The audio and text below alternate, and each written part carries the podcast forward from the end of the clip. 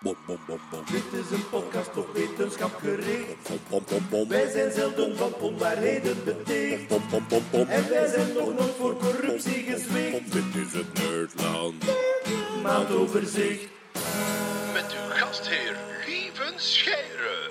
Oh yeah. Een goeiedag iedereen, we zijn weer klaar voor een nieuwe opname van het eh, Nerdland maandoverzicht. We zitten hier met allemaal mensen die overwerkt, oververmoeid zijn, die allemaal zeggen, goh, ik heb niet veel kunnen lezen deze maand, dus dat wordt me hier een feestje. We gaan het allemaal een beetje eh, low energy doen. Lieve, En, je bent wel iets heel belangrijks vergeten. We hebben ook bijna allemaal gedronken, denk ik. eh, water, hè, water, hè. Uiteraard. Oei, mogen Denk aan de jeugd, Bart. Nee, nee, ça va. We hebben, een, we hebben een, een wijntje op, maar we zijn niet zat, hè. Nee, nee. On pas bu. Goed, ik ga weer vragen dat iedereen zich voorstelt, zodanig dat de mensen jullie stem ook aan de juiste persoon kunnen koppelen, zoals Jeroen Baar. Jeroen Baart, dit is mijn stem, hey. Eh, vooral Ah computerwetenschapper. Ja, hè? computerwetenschapper Ja. en alles met kak en dieren. Hey. Natta.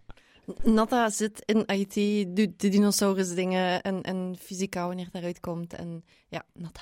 Er was dinosaurus nieuws deze maand. Er was dinosaurus-nieuws en ik heb het halvelings gelezen. Ja. De, de Tyrannosaurus rex is waarschijnlijk groter dan we dachten. Dat ook, ja. Ja. En er is ook in Noord-Dakota is er een, een site gevonden waar heel veel eh dinosaurusjes en visjes bij elkaar zaten. Dat heeft te maken met een meteoorinslag. Oeh, spannend, spannend. Bart van Peer. Goeiedag, ik ben Bart van Peer. Ik werk in televisie, maar ik heb een verleden als fysicus. En vandaag doe ik daar weer eens iets mee, zie. Leuk, hè? Prachtig. Ja, en, Je ziet dat diploma's ergens goed voor hebben. ja, ik, ont- ik ontken dat in alle tonen. en Hetty Helsmoortel. Ja, dag lieven. Ehm, ik ben kankeronderzoeker en ik hou het life sciences nieuws bij voor jullie. Voilà. Inderdaad, en jij bent ook organisatrice Oh, van... ja, ja, juist. Sound het of Science. Sound of Science Festival, waar we op het einde van de podcast nog eens reclame voor gaan maken. Yes. Maar het wetenschapsnieuws van eh, deze maand, of toch de dingen die ons opgevallen zijn, want eh, wij zijn geweldig bevooroordeeld en wij hebben eh, onze eigen interesses. Ehm, goh, ja, deze sprong bij mij direct in het oog, omdat het toch ja, een beetje een interessegebiedje is van mij. Er zijn wetenschappers geslaagd om mammoetcellen, en dus in België zeggen we mammoet, en onze Nederlandse luisteraars zeggen mammoet, heb ik ontdekt, want ik gebruik dat woord in mijn voorstelling over DNA. En in Nederland zeggen ze, wat is een mammoet? Ik zeg, Een mammoet. Ah, oké. Mammoet. Dus ehm, de... eh, Maar moet je dat zo uitspreken? Oeh, bedoemd. Zo, bij deze heb ik het niveau ergens gelegd. En dan kunnen we daarop voortbouwen. ehm, er zijn wetenschappers in geslaagd om dus mammoetcellen die ze halen uit ja, mammoeten die gevonden zijn, die eigenlijk al duizenden jaren ingevroren zitten, om die mammoetcellen terug tot leven te brengen, Hetty. Ja, Jezus. zot. Maar wat bedoelen ze met ja, leven? Ah, wel, ik ging net vragen, als je zoiets leest, waaraan denk je dan? Of wat stel je je daarbij voor? Eh, klein parkje met een hekje waar kleine babymammoetjes in rondlopen. Ne- Next. Dan interesseert het Een, me een, geen een bal. petrischaaltje dan waarschijnlijk. Ja, ja.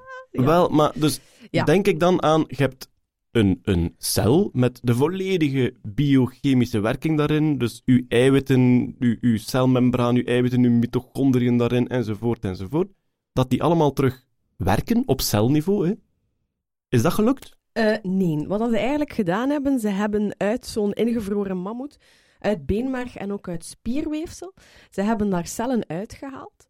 Uit die cellen hebben ze de kern gehaald, dus waar eigenlijk al het genetisch materiaal in zit. En die hebben ze in eicellen van muizen gestopt.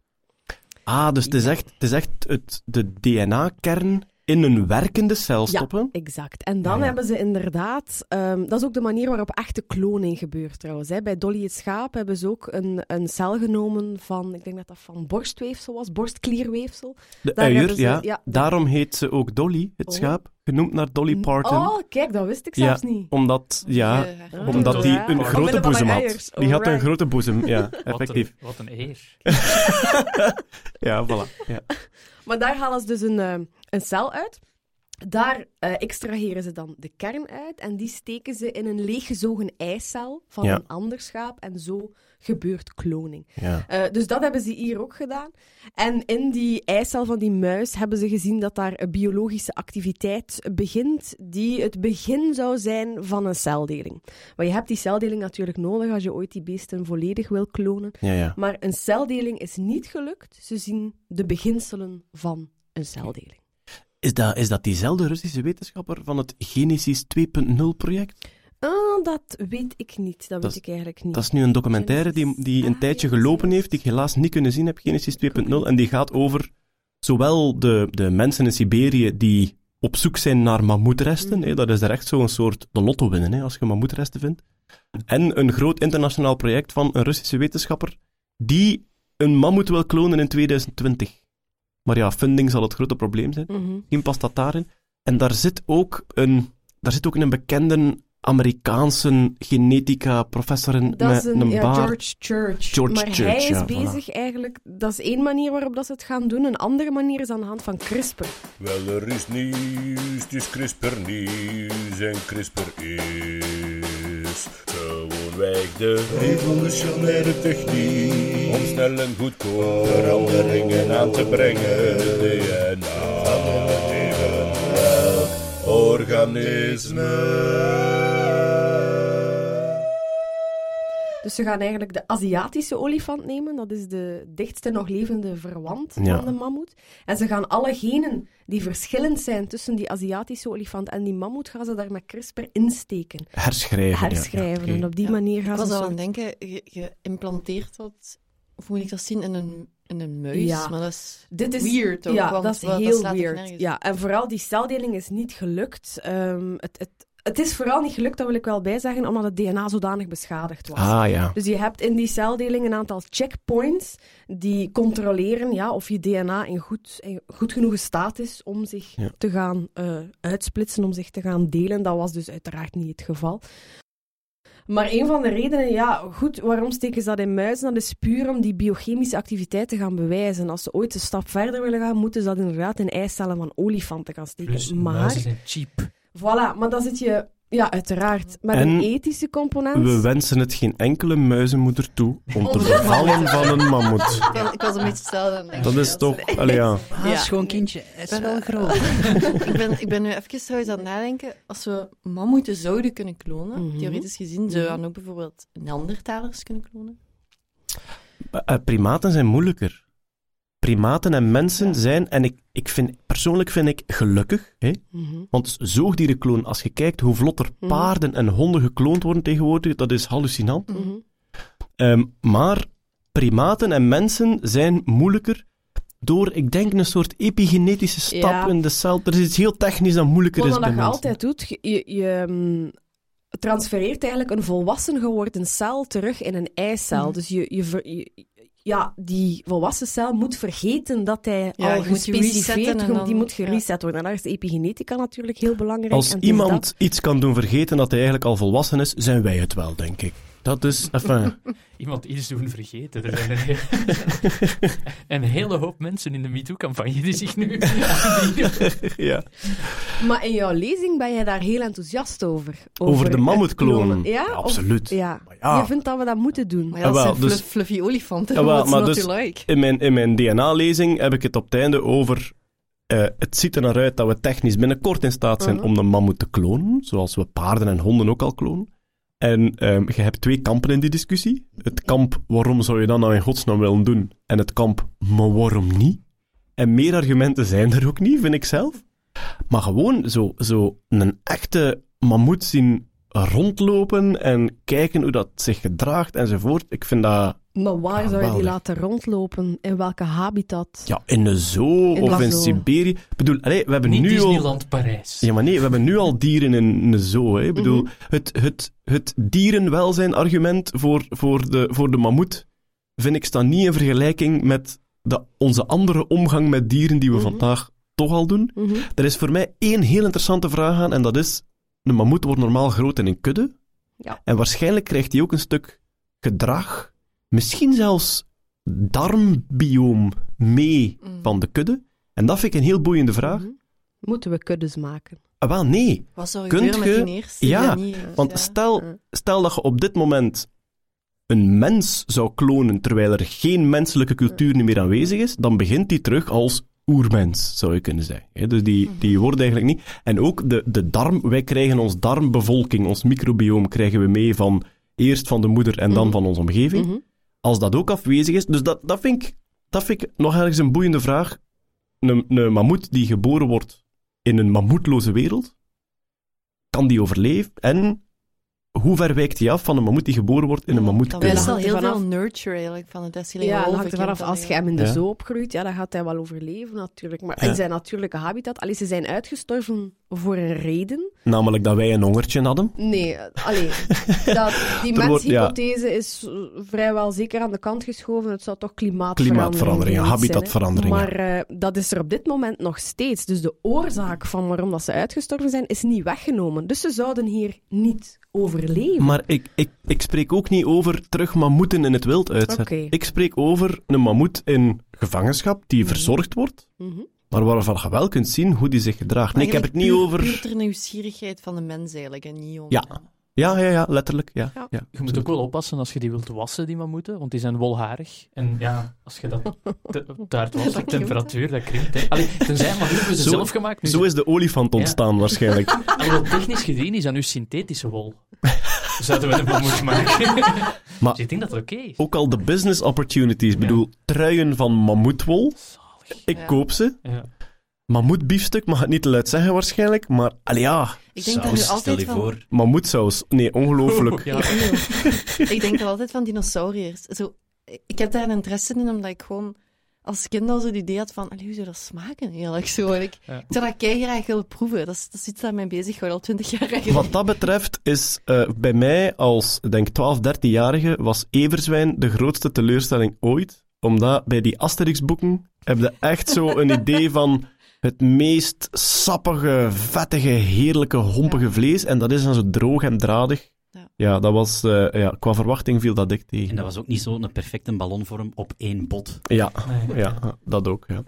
Ehm, maar goed, dus het is eigenlijk het, de, de, de celkern, het DNA, hebben ze in een andere cel gestopt. Ja, in Je een zou eicel. een beetje kunnen zeggen misschien, ze hebben, een, ze hebben de disketten, hè, want het DNA bevat de code van hoe dat alles Mhm. bestuurd moet. worden. Ze hebben de disketten in een andere computer Ah gestopt. ja, en die wel nog werkt. Ja, voilà. dat is een leuke metafoor. Want ja. die, Ze hebben de bytes in een andere cloud gestoken, kids. Eh, ik weet dat opa is hier weer over de disketten aan het praten. Dat is zoals een USB-stick, maar ouder.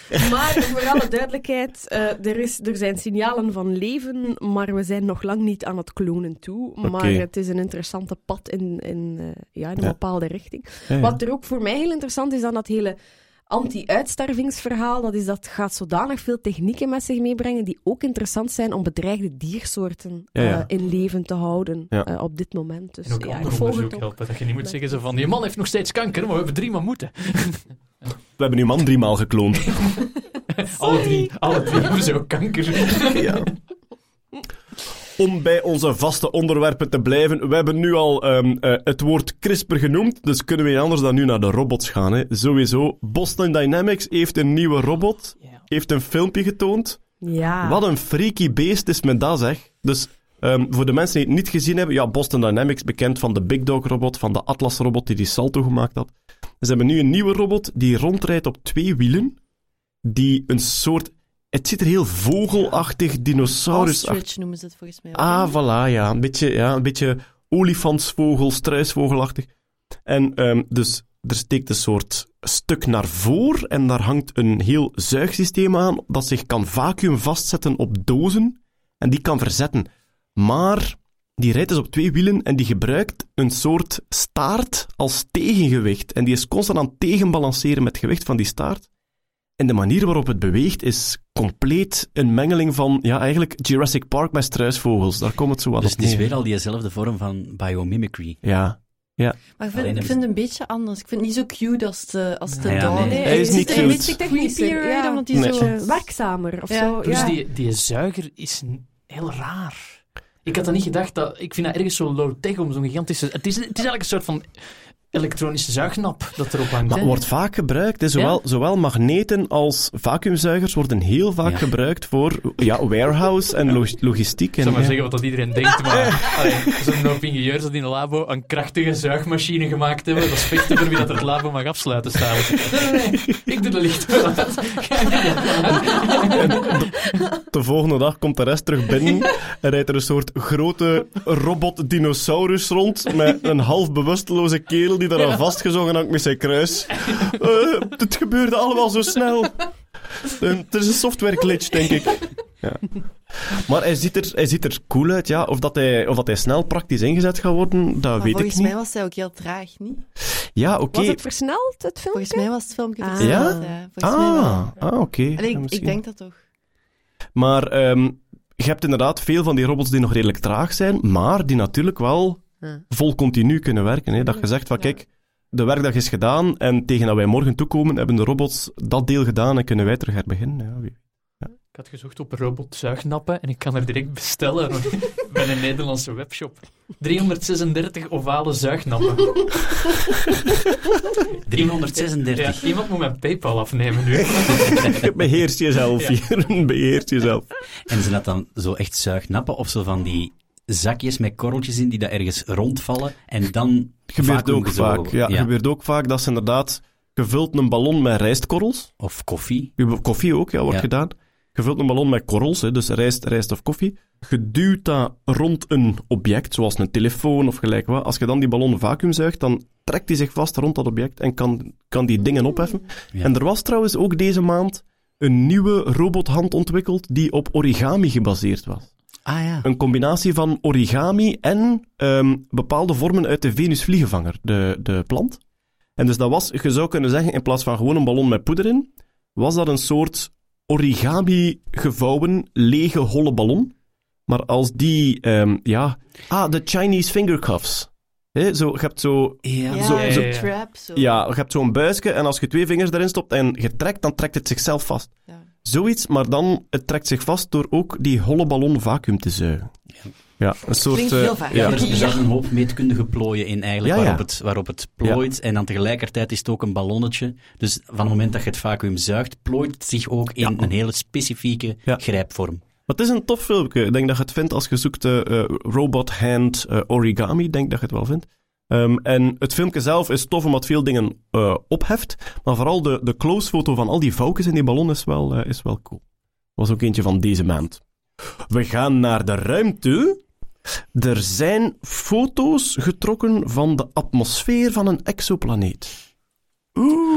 Wauwie. Dus eh, exoplaneten zijn planeten die draaien rond andere sterren dan de zon. Er zijn er de laatste jaren gigantisch veel ontdekt. Ik denk tot 15 jaar geleden waren er amper nog maar exoplaneten ontdekt. En nu gaat dat aan een lopende vaart. Ehm, wordt vooral gezien... Zit dat ook in het citizen science eh, milieu, exoplaneten, of nog niet? Exoplaneten wel, ja. Ja. ja je Ja. kunt ehm, op ehm zooniverse.org is, denk ik, Mhm. kunt je verschillende citizen science projecten doen, waar je dus zelf data analyseert. En één daarvan is Planet Hunter. Mhm. En dus hoe wordt een exoplaneet ontdekt? Als een planeet voor zijn ster passeert, dan gaat het de lichtsterkte een piepklein beetje naar beneden. Want we hebben geen enkele foto van een exoplaneet. Ah, er was, wel, er was eentje van twee pixels of zo gemaakt. Maar een foto trekken van een exoplaneet is natuurlijk waanzinnig moeilijk. Dus we hebben enkel maar onrechtstreeks bewijs. Hoe analyseren ze nu die eh, atmosfeer? Als zo'n planeet voor zijn ster komt, dan gaat er een piepklein beetje licht door de atmosfeer. En als je dus op die massa licht die van die ster komt, kunt bepalen welke frequenties een miljoenste omhoog naar beneden gaan, Spectrumanalyse. Zo. ja, dan kun je bepalen wat de samenstelling is van die atmosfeer, zoals ja, onze lucht is blauw Dat bijvoorbeeld. hoe ze En dat ook honderd jaar geleden met de zon hebben gedaan. hè. Ja, De- De inderdaad. eerste die dat ooit deed. ja, als, als zonlicht door bepaalde gassen gaat, worden bepaalde frequenties weggefilterd. En zo kun je die identificeren. En dat is een grote kanshebber om het eerste onrechtstreeks bewijs te worden voor buitenaards leven. Omdat we weten dat zuurstof heel snel wegreageert, tenzij het aangevuld wordt. Ehm, er stond in de krant dus eh, scherpste foto van exoplaneet ooit. En natuurlijk stond daar weer een mooie tekening naast. Waardoor iedereen dacht dat we effectief foto's hadden. Maar dus altijd als je afbeeldingen ziet van planeten of manen of gelijk wat, kijk goed uit naar de term artist impression, die ze in zo klein mogelijke letters ernaast Hetzelfde zetten. met zo zwarte gaten en weet Ja, ja, ja. ja. Ja. Hm. Het- De onderzoekers vergeleken wat ze gedaan hadden, dus de atmosfeer van de exoplaneet, daarvan het spectrum analyseren. Trouwens, er, is- er is geen enkele aanwijzing voor leven, in, in dit geval. Mhm. De onderzoekers vergeleken het met een vuurvlieg detecteren die voor de lamp van een voetbalstadion cirkelt. En dus, ja, omdat je hebt zoveel licht van die ster, dat je daar echt zo het kleinste moet uitfilteren. Maar er zijn zeer veel enthousiastelingen, en zelfs wetenschappelijk zeer credibele enthousiastelingen, die er echt van overtuigd zijn dat we binnen dit en 40, 50 jaar onrechtstreeks bewijs voor leven gaan vinden door dat soort atmosferen eigenlijk te, te detecteren. Dan gaan we een Nerdland special doen, hè? Ja, sowieso. Ja, dat is het nieuws, het nieuws van de De eeuw. watchparty met de First Contact. Ja, samen naar een spectrum kijken. Oh, Met de wauw. oogkreupele anciërs van de Nerdland. Leven met mij nog. In 2019. Terug naar de aarde. Je kunt sinds deze maand kleren kopen die geweven zijn van spinnendraad. Oké, door een hoop Thaise kinderspinnetjes? Of, eh, Nee, nee. Wel, dus, eh, je hebt nu al zijde. Hè. Zijde is ook een eiwitdraad. Spinnen maken ook een eiwitdraad. Maar spinnen zijn veel moeilijker te kweken. En de draad is veel moeilijker te oogsten dan bij de zijderups. Maar er wordt wel onderzoek naar gedaan, omdat het, denk ik, een beter materiaal is dan het zijde van de rups. sterk volgens mij, Ja. dat spinnendraad. En de bekendste poging van een paar jaar terug was natuurlijk... De Spider Goats. Ah, oké. Oh, ja, ja, ja. Ah ja, juist. Die, die, die, die geiten die zo een, een DNA-mutatie hadden Ja. ingepompt gekregen, waardoor die spinnendraad uit geitenmelk konden trekken. Dat is super Ja. Ze hadden, ze hadden het stuk DNA dat dus codeert voor de eiwitten van spinnendraad, hadden ze uit spinnen gehaald. Je kunt spinnen ook niet kweken in boerderijen, omdat die territoriaal zijn, dus die maken elkaar af. Hè. En dus ze hadden dat stuk DNA ingeplant tussen de andere eiwitten van geitenmelk. En dan probeerden ze dat eiwit uit de melk te filteren. Dat was een boerderij in Texas, die bestaat nog steeds. Ja, dat is gelukt volgens mij. Hè? De volledige implanting is gelukt en de eiwitten zijn aanwezig in de melk. Alleen, het laatste dat ik ervan gehoord heb, was dat ze heel veel technische moeilijkheden hadden om het te scheiden van elkaar. Ja. Ja, dat, dat ging zo van... mm, mm. Ik moet ook de hele tijd denken, Spider-Goat. Spider-Goat does everything a Spider-Goat does. Ik wist niet dat spinnen zo moeilijk te farmen waren. Ja, spinnen zijn heel moeilijk te kweken. Ja, ja, Ja, in mijn huis niet. Ik denk dat die bij ons thuis ook gewoon een vakbond hebben. Hoor. Collectieve arbeidsovereenkomst. Ja. Collectieve arachnidenovereenkomst. Hey, waarom Die doen niks bij ons. Is dat de definitie van de vakbond, Jaan? Ja, ik- Jij, wil, jij wilt vele e-mailtjes krijgen, eh, Jeroen? Zo van die mini, mini Lego-bandjes steken die af en toe in de fik in de living. En dan weet ik al op. Ehm, maar, hoe hebben ze het nu gedaan? Die, die geitenkweek werkt dus niet zo goed. Hoe hebben ze nu gedaan? Ze hebben dat gewoon in eencellige gestopt. Natuurlijk dat. hè. En ze kweken nu, ze kweken nu gisten.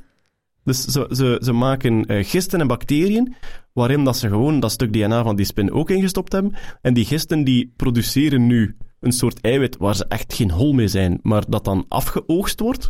En dus je kunt nu gewoon... Er, er, ja, er worden stropdassen verkocht van spinnendraad. Ik vind dat wel Ja. cool eigenlijk. Ja, je hebt, dus, je hebt dus niet meer die berg geiten afvallen. Ja. Je hecht u ook aan zo'n geit. Is er al de tweede, het tweede nieuwtje, deze podcast, dat wordt opgelost met we rammen dat in een ander cel, klaar. Ja.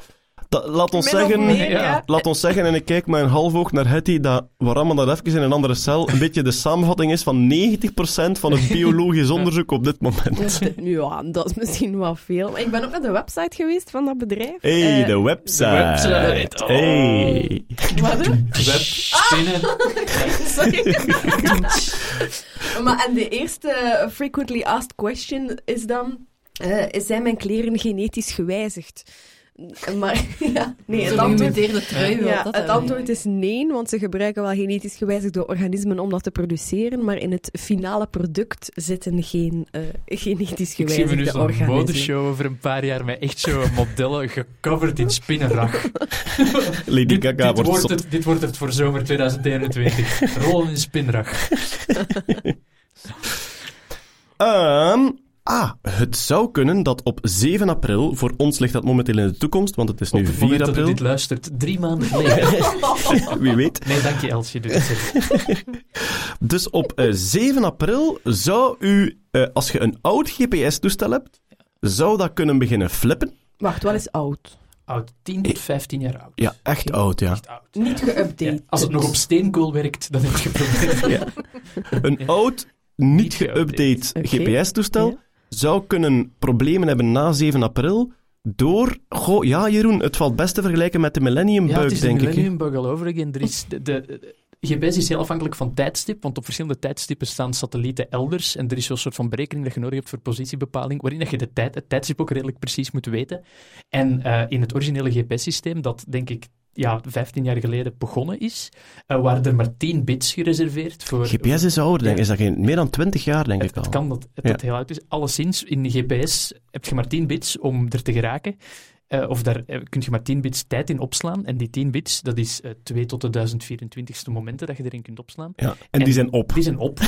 Die zijn gewoon Is op. dat zo'n overflow wat je Ja, een bij die overflow, ja. hebt? Bij, ja. Het, is de, de teller van uw auto die terug op nul staat, eigenlijk. Ja, voilà. Ja. En niet alle GPS-systemen zouden daar tegen kunnen, waardoor dat je foute uit, uitlezingen kunt krijgen in je GPS. Nu, de nieuwste GPS-systemen zijn naar 13 bits gegaan, wat dat het probleem 2 tot de derde ehm even uitstelt. Aantal tijd uitstel, ja, voilà. eh, en eh, de meeste GPS'en zijn geüpdate met, met de firmware of dit ik dat. Als je een hele oude hebt, dan kan het zijn dat die na 7 april geen En correcte wat is dan positiebepaling ah ja, het ergste dat kan Maar bij, bij gebeuren? vliegtuigen is dat erger. Hè? Dat is Ja. nog steeds, Ja. die moeten gereset worden, anders dan valt de elektriciteit. Ik weet Als, als jij in uw auto zit Best en je goed. GPS zegt dat je in Sri Lanka zit, dan weet je dat uw GPS mis is. Ja, tegenover zo'n vliegtuig, Mhm. dan begin je misschien toch te twijfelen.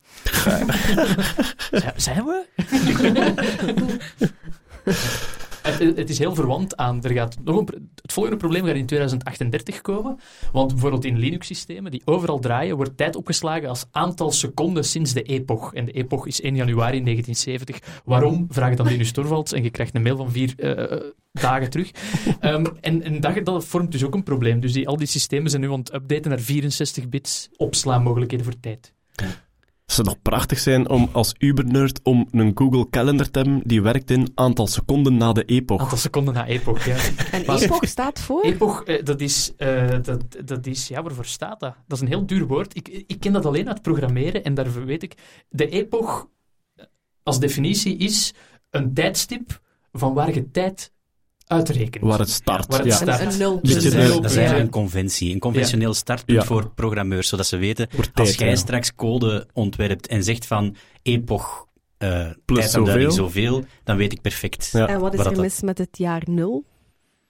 Ja, omdat je een hele hoop tijd dan encodeert die dan niet Die nuttig is. Die Ah, Je hebt ja. veel meer Ah, ja, ja. geheugenplaatsen nodig om zoveel seconden in te schrijven. Ja, Ik ga het mijn leeftijd zo uitdrukken nu. De epoch Ah, wel, voor ja. Linux is 1 januari 1970, eh, maar ze doen er wel de schrikkelseconden bij en af. Dus het wordt wel Ah, ja. gecorrigeerd op schrikkelseconden. Ja. Allee. Ik vind het idee van een Google-kalender op epochseconden ook heel tof, omdat je ze om de seconde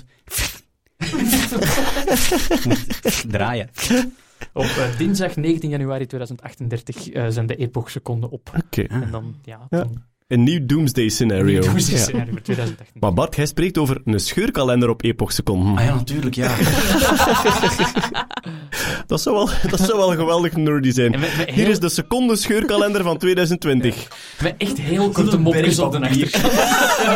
Ik zat net even op... Scheur, ha. El- elke seconde een mopje. Dus gewoon Ja. een, een kak met een lachje. Volgende. Het ding niet het zou verkopen. We moeten dat toch een keer één dag... Nee, een dag is al veel. Een uur. Gewoon eens een uur. Ton papier.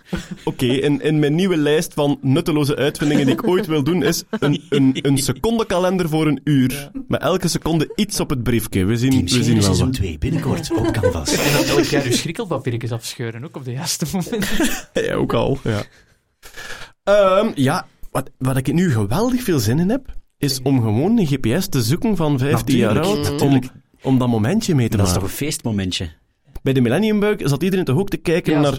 Ja, smartphones hadden we nog niet, maar zat toch iedereen ook de computer even op te starten? Of, Al, eh, al las ik onlangs een artikel van iemand die dat tijdens de Millennium Bug, of toch in de maanden ervoor, echt enorm hard gewerkt heeft in verschillende bedrijven om die software daartegen te patchen. Die zei van ja, de Millennium Bug, dat is een beetje afgedaan als een sisser, want uiteindelijk zijn er geen vliegtuigen uit de, uit de lucht Ja. gevallen en is alles een beetje blijven draaien. Maar die zegt van, dat komt omdat er toen mensen echt belachelijk hard aan gewerkt hebben. ja, maar Dat vergeet je vaak. dat was... En dat, enfin, Is dat zo? Ja. Ja, dat is Ja, mijn ja, ja. perceptie. Zo van, haha, dat was toch Is- wel... ja, dat er is niet niet echt hard aan gewerkt, Ah, ja. oké. Ik herinner mij dat, ik herinner mij dat, dat eh, ehm, ja, zeker in het jaar 99, dat er geweldig veel discussie was over hoe zit dat nu met die Millennium Bug? Is dat een verkoopstruc van IT-bedrijven? Want er werd geweldig veel fuzz over gemaakt. Dat zijn de wij komen voor dat bedrag uw bedrijf Millennium Bug proof maken. En natuurlijk, als er dan op het millenniummoment zelf niet zoveel gebeurt, er was één provider uitgevallen Ja, in België, denk en ik. ergens een elektriciteitscentrale in... Voilà. Ja, Ja. sorry. Dus als er niet zoveel gebeurt, heb je achteraf weer de discussie. Was het een scam Ja, of hebben ze hun werk heel goed gedaan? En goed, aangezien dat er toch kleine dingen fout gegaan zijn, denk ik, ze zullen waarschijnlijk hun werk goed gedaan hebben. Maar als er iemand is die van zichzelf weet, ik heb zo'n GPS met dat probleem, dan, Ja. dan zet dan alsjeblieft een livestream op of zo, zodat Ja, de wereld voilà. daar mee van Ja. kan genieten. Als je dit hoort voor 7 april, wat niet het geval zal zijn. Ah ja, dat is juist. we, zullen, we gaan het tweeten anders. We gaan het straks tweeten. Wacht, ik ga mijn zin herformuleren. Als je zo'n GPS hebt, zet er dan alsjeblieft een livestream op, alsjeblieft. Voilà. Dat is gecorrigeerd. Alright. Er is een wiskundig probleem opgelost. Enfin, een, een wiskundig meetkundig probleem uit de grafentheorie. En de grafentheorie gaat over, er zijn verschillende punten, je kunt daar verschillende lijnen tussen Ja. trekken. Enfin, een hele hoop, eh, een hele hoop eh, gedoe, maar wiskundig zeer boeiend en vaak complex. Een zeer bekend probleem daaruit is de traveling salesman. Ah ja. Traveling salesman, dus de reizende handelsrei ja, de handelsreiziger. Waar komt het op neer? Stel, je hebt een kaart van een land. Je zet stipjes op alle steden waar de handelsreiziger naartoe moet. Wat is zijn kortste route, zodat hij alle steden aangedaan heeft? En opnieuw beland in de originele stad. En hij terug mag een stad terecht. geen twee keer aan. Nee, nee. Ah, wel, goh, ik weet niet hoe dat de regels zijn. Hij- Nee, het moet hoeft eigenlijk niet. overal exact één keer geweest. Ja, oké. En mogen je hetzelfde pad opnieuw gebruiken als je terugkeert? Ehm, nee, want dan, kom je dan, automatisch in een stad. dan komt je je in een stad. Ja. Ah ja, maar zo Ja. halverwege en dan afwijken. Ik, dat weet ik eigenlijk niet, aangezien het gaat om... Het, dus het is een optimalisatieprobleem. Hè. Je moet Ja. op zoek naar de kortst mogelijke route. Ja. En ik vermoed in eender welke dimensie je dat probleem opwerpt, of dat dat nu Ja, ja. 2D is of 3D, dat de kortste route nog altijd een rechte lijn is en dat je dus niet zult meemaken dat je een stuk meegaat met een reeds beschreven stukje lijn en dan daarna niet. Ah, Wel, dus dat moeten we er even bij zeggen. Handelsreiziger denkt je aan een wegenkaart. Ja. Het gaat hem hier echt over de abstractie daarvan. Namelijk, je neemt een wit blad papier, je zet daar gewoon kriskras door elkaar, zet er daar 12 punten op. Ja. En dan moet je de lijn trekken die ze alle 12 aandoet en terug uitkomt in het begin, die het kortste is. En zo'n lijn trekken is gemakkelijk. Een andere zoeken die wat korter is, is ook te doen. Ja. Maar als je één hebt, bewijzen dat er niets korter kan. Dus echt het wiskundige bewijs van dit zijn de redenen waarom er niets korter kan zijn, dat is lastig. Dat is in heel die graventheorie het moeilijke stuk. Nu, het probleem van dat traveling salesman is al vaak opgelost, zowel met de hand en zeker met de computer. Maar nu, Bart, is het opgelost door een andere levensvorm dan de mens. Ja. Door? Een, door een amoebe. ja. ja, het is een Japans onderzoeksteam. Eerst en vooral, stel dat je zelf, dat dat probleem u voorgelegd wordt. De probleemstelling op zich is niet moeilijk. Hier zijn een boel, als je het concreet wilt maken, een boel steden, een, een aantal steden. En hier is een, eh, dan, dan uw, eh, verkoper. Stuur hem daar langs, eh, zie dat hij overal geweest is, dat hij terug op zijn startpunt belandt en via de kortst mogelijke route. Hoe zouden dat zelf aanpakken? De meest naïeve aanpak van dat probleem zou zijn, ah, weet je wat? Ik ga alle mogelijke routes uitrekenen en op het einde weet ik wat de ideale route is. Dat is de meest naïeve. En ik denk dat de allereerste algoritmes die dat moesten uitrekenen, kijk naar Jeroen, het zo. Ja. zullen dat waarschijnlijk Ja. zo wel Number crunching, hè? Ja. voilà. Het probleem daarmee is dat als uw aantal steden klein is, zoals bijvoorbeeld vier, dan heb je maar drie mogelijke routes en dat is behoorlijk behapbaar. Mhm. Als je naar vier gaat, dan heb je al 360 mogelijke routes. Ja, ja. Eh, naar vijf. eh, Het is zoals de, zes verschil- zelfs, ja. denk ik. Ja. Is zoals de verschillende mogelijkheden waarop dat je kaarten, een kaartenboekje kunt shuffelen. Ja. Hoe meer kaarten dat je hebt, dat wordt heel snel Dat heel enorm veel. Een heel kaartenspel is al de mogelijkheden. Een zijn heel, dus- een heel Ja. eh, kaartspel is al meer dan alle verschillende atomen in het universum, Ja. denk ik. Ja. mogelijkheden. Ja. Dus Meer zelfs, dat is een kleine uitstap. Het aantal mogelijke volgordes waarin dat je een kaartenboek kunt geschud krijgen, is zodanig astronomisch groot dat mocht je sinds het begin van het universum Ja. 10 Gestart miljard mensen elke seconde, elke seconde een unieke volgorde laten Ja. neerleggen, en dus, dus elke seconde sinds het begin van het universum 10 miljard mensen, dan zouden nu nog maar aan 0,38006 procent zitten Maar van het totale aantal Ja. Als jij een wil- kaartspel shuffelt, is Ja. de kans dat iemand anders dat ooit gedaan heeft bijna niet. Ja, dus als jij hier biedt een kaartenboek schudt, dan is de kans zo goed als 100% dat het de allereerste keer is in het universum Maar dat de kaarten in die En volgorde zo zitten. heel veel kaarten. Ja. Zijn dat Ja, ja, aantal mogelijkheden. Ja. Ex- exponentiële, Ah, tuurlijk, ja. En- Exponentiële, maar dat is dus ook het probleem bij die traveling salesman. Als het meer steden worden, wordt het Ja, heel snel uw steden Ja. nemen lineair toe, maar het aantal combinaties en dus ook de complexiteit van het probleem die neemt exponentieel toe en dat betekent gigantisch veel computerrekentijd. Wat is er met die amoebe gebeurd? Want zij hebben er een amoebe opgezet. Die, uh, die hebben ze eerst op 4 laten rekenen en daarna op 8. En bleek dat die, dus, dus de, de toename van rekentijd ging ook lineair. Dus daar voorspellen ze uit dat mogelijk in de toekomst dat soort van biocomputing chips, Ja. met behulp van een organisme, dat die dat sneller gaan kunnen dan de computers die tot nu toe gedaan hebben. De computers die het nu doen, die hebben al gekraakt tot miljoenen steden zelfs, Ja. als ik het goed heb. En die kunnen dat, maar dat duurt. Even zeggen Ja, dan. wel. En dus dat is, dat is heel, dat, heel dat proces dat in plaats van alle mogelijkheden op een rij te zetten en allemaal uit te rekenen, zoals dan een computer het zou doen, een amoebe of iets anders uit de natuur werkt op een totaal andere manier. En ik denk dat je het misschien voor een stuk kunt vergelijken met zeepbellen. Als je tussen drie pinnetjes een, een zeepbelmembraan maakt, dan gaat die zich ook automatisch richten naar de kortst mogelijke afstand om die Ja. drie te verbinden. En dat heeft natuurlijk te maken met, met krachten. Als dat een beetje naar links of rechts beweegt, wordt er een elastische Ja. tegenkracht gemaakt. Dus die rekent niet, maar door natuurkundige processen komt die daarop uit. En die amoebe is een gelijkaardig iets. Ja, exact. Het feit dat al die onderdelen van dat gegeven, of het nu over een zeepfilm gaat of over een amoebe, dat die fysisch met elkaar verbonden zijn en eigenlijk met elkaar redelijk instant communiceren En feedback geven, en ja. feedback geven, dat zorgt ervoor dat dat ding over zijn geheel redelijk globaal naar een soort van optimale toestand kan evolueren. Want misschien moeten we dat ook wel uitleggen. Die setup, ze hebben, ze hebben die amoebe eigenlijk op een soort van plaatje gelegd waar, waar nutriënten in zitten. Ja. En dat ding heeft de drive om zijn oppervlakte zo hard mogelijk te maximaliseren, zodanig dat dan zo groot mogelijk contactoppervlak met die nutriënten maakt. Ja. Dus dat is de drive dat dat ding heeft. Hong- honger. Honger, ja. Zoveel mogelijk voedsel beslaan. En wat, wat beschreef er dan de, de routes?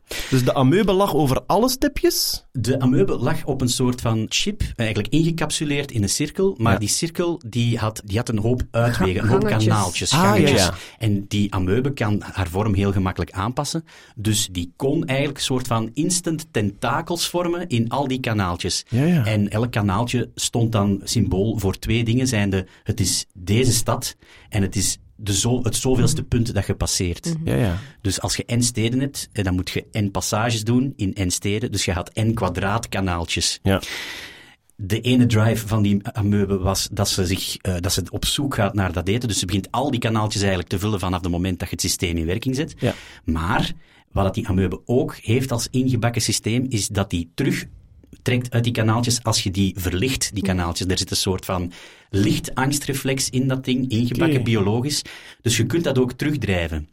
En in samenwerking met die amoebe was er een soort van neuraal netwerk waarin de regels van dat probleem geëncodeerd zitten. En die gingen kijken constant. Heb ik, heb ik het juist, eh, Natta? Ja? Ik was niet neerschudden. Dat, Ah, was, dat was een neerschudden zo van... Wauw? Het. Ja, Het was een wauw. Ik werd Ja. onzeker, zeg. Ja, nee, nee. Sorry? Bart, werd jij onzeker? Dat is echt- Onmogelijk. Mijn, co- mijn core business. Zekerheid verspreiden. Dames en heren.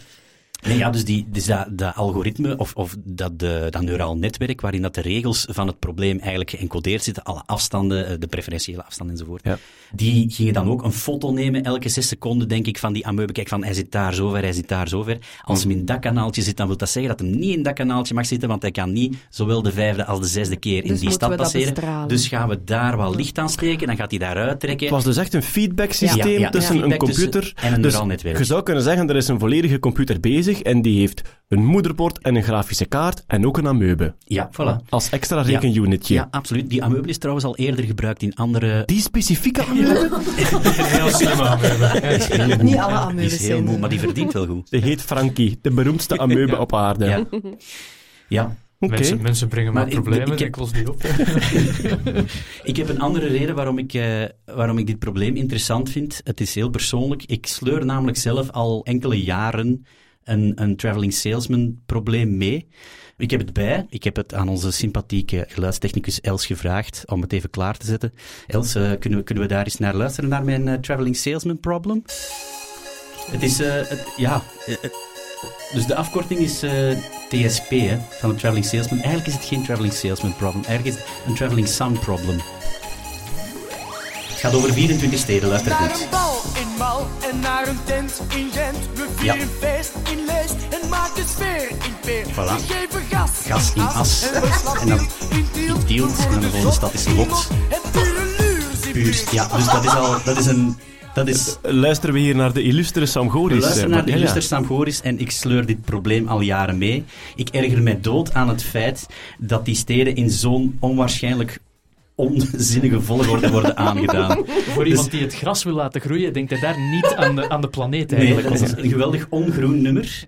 Het zijn 24 steden, dus voor, voor wie geïnteresseerd is en die graag Google, ik noem ze even op, Mal, Gent, Leest, Peer, Astielt, Lot, Puurs, Lint, Heist, Reet, Bree, Schriek, Geel, Leut, Doel, Duffel, Sinaai, Vorst, Niel, Beregids, Bom en Haagt. Beste luisteraars, hier volgt een mededeling vanuit de montagekamer. Bart vanuit de montage hier, voor wie de optimale feestroute van Sam Goris zelf wil berekenen. Met Heist wordt volgens ons Heist aan zee bedoeld en niet Heist op den berg. En dan was er nog de zin uit de kleren in Beren. Nu, wij vonden aanvankelijk enkel een dorp met als officiële naam Beren in Ganzi, Botswana. Maar na een beetje verder zoeken kwamen we uit bij een Vlaams dorp waarin zowat alles naar beren vernoemd wordt. Een berenkoers, berenfeesten en zelfs een frituurberen. We zijn er redelijk van overtuigd dat we het juiste dorp te pakken hebben, maar Jeroen kon het toch niet laten om nog eens even dubbel te checken bij de schrijver van Ambiance.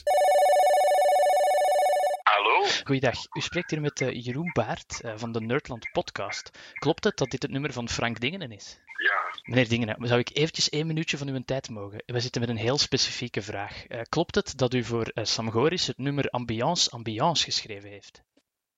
Ja. Ja, wij vragen ons af, het is voor een wetenschappelijk experimentje in verband met de plaatsnamen in, eh, in het lied. Het dorpje van Beren, wat bedoelt u daarmee? Over welk stadje gaat dat? Want we vinden dat niet meteen terug. Zou ik, ik zou het daar nooit hebben opgeschreven. Oei, ja. Uit de kleren in Beren staat er in de lyrics online. Dus misschien zijn de lyrics fout, dat kan ook. Dat is zo lang geleden. dat Ik Ja. Dan moet ik al, al gaan nakijken hier aan mijn papieren. Nee, dat, dat moet u zeker niet doen. Maar u weet het niet gewoon van buiten. Ik zou nooit fictieve plaatsnamen Ja. eh, in, in dat lied hebben gezet. Nee. Wij denken dat het Meulenbeke is. Maar ja, In een tijd, in een tijd had je zo'n een, een boekje met allemaal postnummers en hun plaats. En ik, heb, ik weet dat ik dat toen nog helemaal ben afgegaan. ah, oké. Dan gaan we misschien eens op postnummers zoeken. ja. We vinden het niet meteen op Google Maps, maar ik zal, eh, ik zal nog eens verder zoeken dan. Alleszins bedankt dat u ons even te woord wou komen staan. En eh, ja, graag tot de volgende keer, zou ik zo zeggen. Oké, goeiedag. Einde bericht.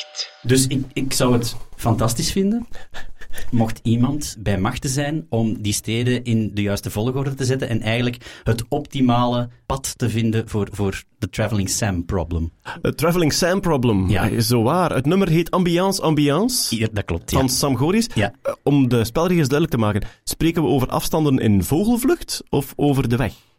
Oh, hemeltje, nee. Oei. Laat ons beginnen met in vogelvlucht. Laten we met Ja. vogelvlucht beginnen? Ja, ja. Dus dat we van elke stad kunnen we een x-y-coördinaat maken. Dat met misschien, eh, ja, ik ben bereid om een vliegtuigje te kopen, omdat de... ja. Lap, daar gaat het milieu. Ja, oké. Ja, Voilà, een uitdaging voor de luisteraar die geweldig krachtige Ja. computerstijl heeft. Het aantal mogelijke oplossingen is, als het, het zijn 24 steden? Of 24 steden, ja, steden ja. is eh, 3 keer 10 tot de 23ste Ah, ja. aantal Ja. oplossingen. Dus ja, dat is veel. ja. Drie keer 10 tot de 23ste. Of een amoebe kopen. Ja, Eh, ja, eh, een kan ook. trainen Ja, kopen. Als er iemand is met een computer die straf genoeg is, eh, laat, stuur het zeker naar ons podcastadres. En dat is nog altijd podcast.nerdland.be. Inderdaad? Ja. podcast.nerdland.be voor Ja. al uw opmerkingen. Ge- geven we iets weg? Een gratis ticketje voor Sound of Science? Allee, Ah. Voilà, voor wie En, en een puntje met de crew. Hè. Oh ja, en Ja. een puntje erbij. Ja, ja, Ja. voilà. En Sam Goris doet er ook iets bij. Dat, dat zal, ik zal het hem vragen. Oh, dat is zeker pakken. Een pintje drinken met die kerel. Hey, er is geen held in zijn. Wauw. Oh. Dat is het probleem als je iets probeert te imiteren als Bart van Peer ernaast zit. Ja. Dat hij daar direct even... kunt- En Dan heeft hij altijd zodanig veel nood aan aandacht dat hij dat... Ja. eigenlijk heb je dan Goga Baul nog nodig die probeert van daar nog eens over te gaan. Zo, ja, dat Die is zich al geschminkt snel. En dan Sam Goris die nog beter probeert, maar hij is er geen held in. Alright, Ja, over naar het serieuze wetenschapsnieuws. Er ligt een kak op de maan. Niet één kak, meerdere kakken. Er, er liggen redelijk veel menselijke uitwerpselen op de maan. Meerdere kakken, kakai. meerdere kakken in meerdere zakken zelfs. Ah, meerdere kakai in meerdere zakken. Eh, dus waar gaat het om? Ja, tijdens de maanmissies onderweg naar daar, denk drie dagen onderweg, Apollo? Twee, twee dagen en twintig uur. Ah, oké, voilà. Twee dagen, 20 uur onderweg. Dan, ja, er is nu eenmaal darmactiviteit. Eh, en er was geen toilet in de Apollo-dingetjes, die waren daar te klein voor. Dus eh, dat werd allemaal opgevangen in een zakje en werd dan geloosd als ze op de maan waren. even, een zakje dat aan hun gat Ja, ja, was ja. gelijmd. Dat ze er Want zelf moesten Dat ze er aankleven. wel hè. moesten aanlijmen. Ja. Ik, kan het u zelf, ik kan het u hartelijk aanraken. Zoek in de NASA-manual voor de Apollo-missies de instructies, bijna IKEA-achtige, serene instructies voor het gebruik van een kakzak. Het is eigenlijk een plastieke zak met twee eh, zelfklevende flappen aan, die je dan op je eigen flappen aanbrengt. Je, denkt aan een picknickzakje, hè, Ja. zo een diepvrieszakje. Diepvrieszakje. Maar dan met een lijmkant zodanig gevormd dat hij optimaal op de billen te kleven valt. En zo vast en dicht mogelijk, want anders begint er een rond te drijven. En er heeft er ooit een rondgedreven in een Apollo-capsule. Daar is een volledige transcript van. Ja, dat is juist. Ja, dus de, ja, in Met een Houston... discussie van wie is die. Ja. ja. Ja. Is In, dat? in, Ja. Houston, in. Houston zit er iemand te volgen die als taak heeft om alles wat er gezegd wordt tussen Mission Control en in de Apollo-missie uit te tikken. En dus die zijn onlangs nog maar vrijgegeven. En daar staat een Ja, die volledige discussie pas in. klaar, ja, ja, wie En weet van ja. wie was het? Ah, wel, die, die dreef langs en die mannen hadden ook geen hol te doen. Hè. Geen hol. Maar die, die twee dagen, als er niks misging, hadden die niets te doen. Dus die beginnen, die beginnen over, ah, van wie is een dien? Van mij is dat niet, de mijne plakt zo niet. Zo dat soort discussies, dat volledig uitge... Ze hebben hem dan gevangen en terug naar...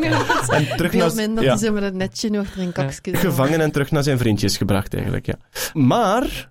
Je hebt dus het diepvrieszakje dat je aan de billen kleeft, maar dan heb je nog een probleem, Jeroen, want er is geen zwaartekracht. Er is geen zwaartekracht. En daarom heeft het diepvrieszakje heeft die een soort van vingerachtige instulping, waar je letterlijk één vinger bij krijgt, om, eh laten we zeggen, als er geen zwaartekracht is, om een beetje de natuur te helpen. Om die... Ja. ja. Om de kaka uit je hol te putteren. Dat is, betekent Ja. dat, dat, sorry. Ik, ja. In de, zij, in de zijkant van die zakjes zitten dus effectief twee Vingerkoefjes. ingangen om voor je vinger in te stoppen. Hè? Ja, En dan moet je dus, omdat er geen zwaartekracht is, moet je dan echt zo, ja, kut. Ja. een beetje... Hoe, hoe heet dat spelletje met die, met die blokjes op elkaar? Is dat Jenga? Jenga. En wat ja. is een beetje dat. Dus echt zo'n beetje peuter, Jenga-achtig was dan peuteren. denk aan Dr. Pepper zo meer. Zo. Maar dus, hè, eh, astronauten, onze krijg grote dan krijg, helden. Dan krijg je de telefoon van de koning van uw land. Eh, Ja. Ik ben even bezig, sorry. Ja, is ik, de ik moment beeld mij vooral in of dat iets is wat die zo op astronautenschool geleerd hebben dan zo. Ja, Een en- cur- cursusje kak uit je gat plukken. En of dat getest wordt in een paraboolvlucht. ja, ja, ik moet nu. Dus ik wil mijn 26 seconden gewichteloosheid nu, alstublieft. Of dat gewoon zo afknappen daarop eigenlijk. Weet je, als ze drie jaar astronautenopleiding hadden. Nee, Ja, daar trek ik de grens. Dat, dat doen doe we niet. Dat Dat gaan we niet doen, ja. Maar het, ik vond het knapste is, daar is dat hele verhaal, ze hebben dan gevraagd aan, ooit aan de Apollo 11 astronauten, en Neil Armstrong heeft gezegd van, ja, we hebben toen dat we landen op de maan, hebben wij 95 zakken achtergelaten. 95 zakken! Nee. Na twee dagen reizen. Iemand heeft zijn afval van thuis meegenomen.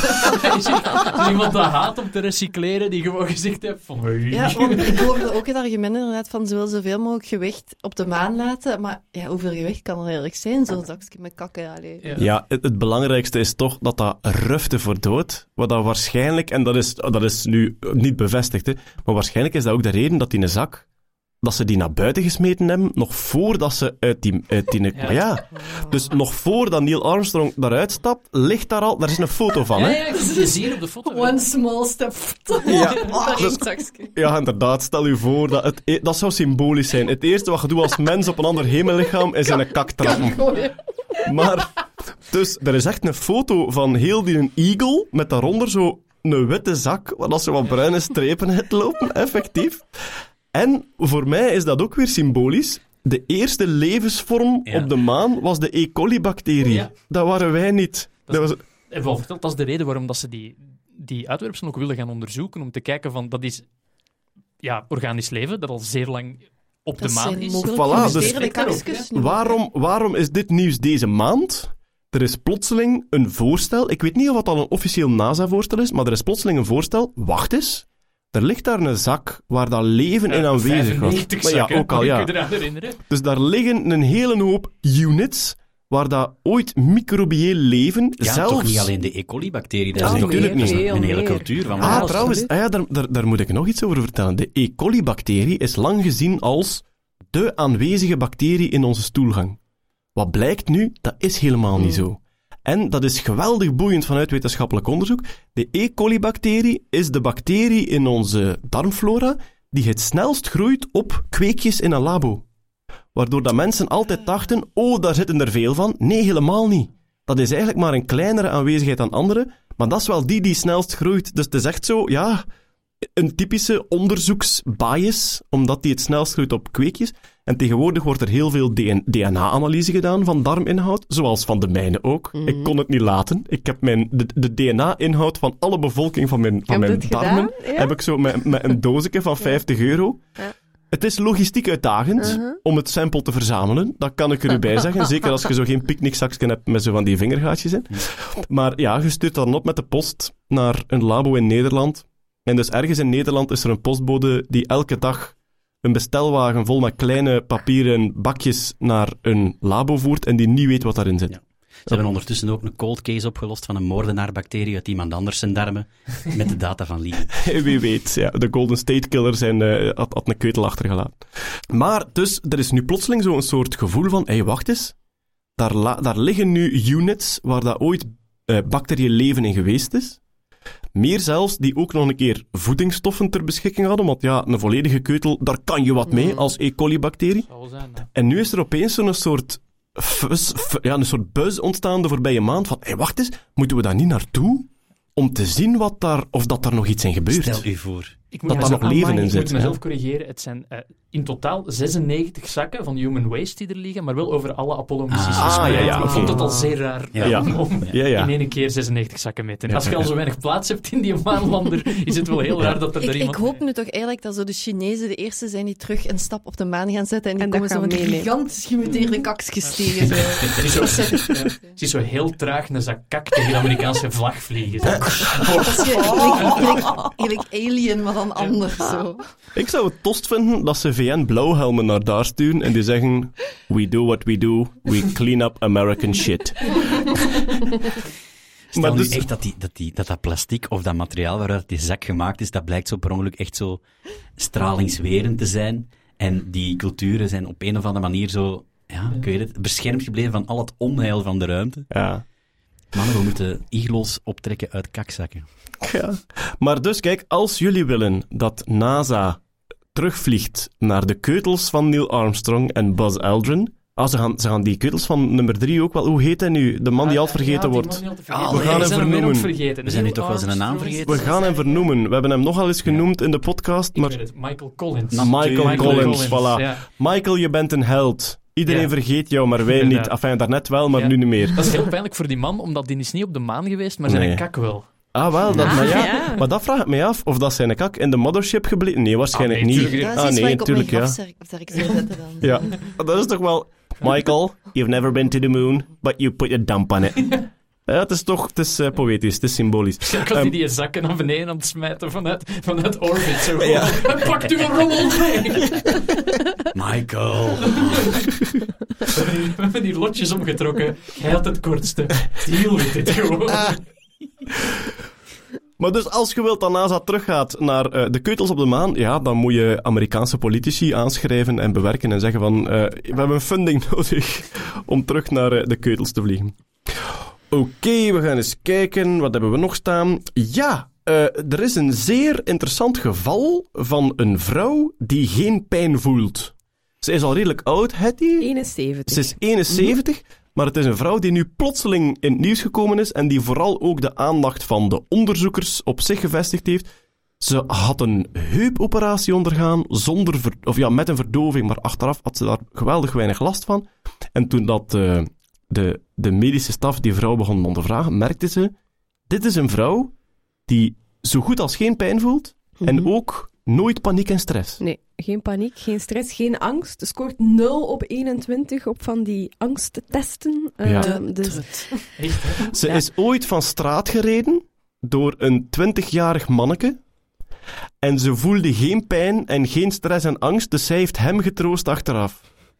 Ja. Ja, het is echt opzoeken wonderlijk. dat ze getrouwd is. Ja, ja, ja, ze heeft, ja, want ze vertelt dat haar man haar vaak moest attent maken op het feit dat ze aan het bloeden was, of was dat hij iets rook van rottend vlees of zo, dat het een wonde Dus dat is echt ontstoken een was. defect feedback En, systeem. en ook, eigenlijk. hoe kan dat nu pas opvallen? Zo, uw vrouw is half weg aan het rotten en je stelde geen vragen Maar daarbij. nee, hè? ja, nee. Maar ja, zij heeft zich daar nooit vragen bij gesteld. Dat was ja, haar manier van in het leven staan. En ook als ze be- eh, bevallen was, geen enkele pijn gehad. En ze heeft tegen alle, allemaal vrouwen gezegd, maar dat is allemaal zo weg niet als dat de mensen zeggen. Maar zij Er is maar- voelde dat natuurlijk Ja, er is maar dus, één logische ja. volgende stap en dat is een skelet van adamantium.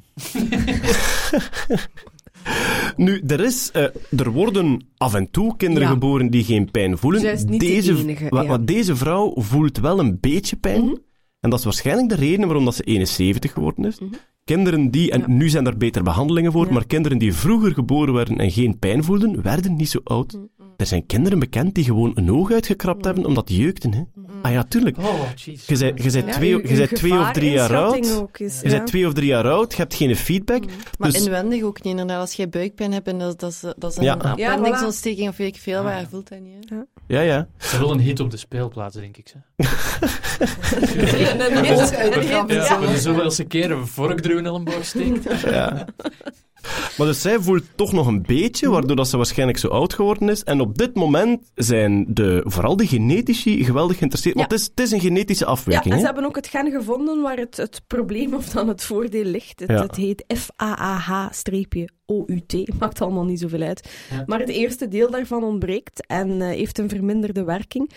En ze zijn nu eigenlijk ook aan het kijken van, ja, zijn daar mogelijke pisten om bijvoorbeeld eh, nieuwe pijnmedicatie, nieuwe pijnbestrijding te maken door daar iets mee te doen, gentherapeutisch Het gewijs. is, het is heel Ehm, ironisch dat het gen waar dat het aan scheelt klinkt als iemand die fuck zegt en dan A. ja, Ja. fa- fa-out. Ja, Ja. fa- grapje, ik voel niks.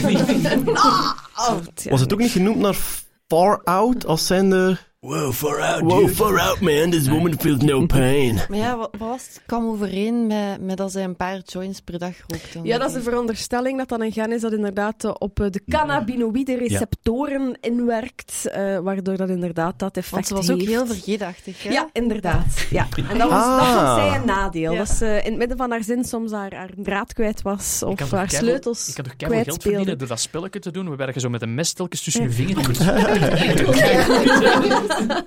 Alright, maar dus de, de hoop is vooral dat ze medicijnen kunnen ontwikkelen als ze het DNA- en eiwitmechanisme in de cel Ja. dat bij haar Maar werkt kunnen daar zijn we ontdekken. nog heel Ja. ver van verwijderd. Geweldig ver, ja. Ze weten nog niet waar ja. ze moeten beginnen. Nee, ja. absoluut. Want van de, van de anesthesie zoals we ze nu gebruiken en kennen, weten we eigenlijk ook nog niet helemaal hoe die werkt, heb ik mij laten vertellen. Ja, Of dat is weet ik niet. Dus, dus de, de, is het narcose, waarvan ze eigenlijk niet echt weten hoe komt dat? Ah, hoe dat Doe werkt. maar, het werkt, maar hoe Mhm. komt dat? Ja, ja. Ik heb altijd schrik van die horrorverhalen. Dat is zo'n reeks in Humo geweest, toen Humo nog een goed tijdschrift was. eh, over, over mensen die bij een operatie wel onder narcose waren, maar alles voelden. Die dus eigenlijk gewoon gevangen zaten Ja, in hun eigen lichaam. En dan, ja, dus de spierverslappers hadden gewerkt, maar de, pijn, de pijnremmers niet. Nee. Maar ja, oké. Maar dat gebeurt niet meer tegenwoordig. Nee, nee, nee, nee, dat is nee. vroeger. Ik heb in- bij, mijn, bij mijn enige operatie die ik ooit gehad heb, ze laten nu zo eh, tellen tot 10, of Ja. achteruit tellen van Ja. 10 en je komt niet aan 1. Dus deze slimme 10, 8, 7, 6, 5, 4, 3, 1. Nog voordat ik in slaap gedaan was. Dat eh hadden ze nog nooit meegemaakt. hè? Ik zeg van ja. Jeroen, je kunt je ook afvragen of het wel zo'n goed plan is om op dat moment uw anesthesist te liggen klonen. Ja, dat is waar. Zeker Ja. omdat ze gingen een niersteen weghalen, dus die gingen met z'n allen aan mijn, aan mijn piemel zitten, zitten vriemelen. Misschien. Sindsdien. Er stond ook een, ja, een eh, half grappig en half huiveringwekkend filmpje online van het Russische leger die nu ehm, soldatenrobots gebouwd hebben. En het zijn geen robots met armen en benen, het zijn nog altijd robots die op vier wieltjes rondrijden, maar er staat echt een soort romp op, een camera en verschillende soorten geweren, een granaatwerper en een metraillet enzovoort. En ze rijden dus rond. Eigenlijk zien ze eruit, en dat is de reden waarom het ook half grappig was, ze zien er eigenlijk uit als een soort goedkope vierkante Daleks. Ja. Ze hebben effectief zo een, een loop die, die uit de voorkant steekt.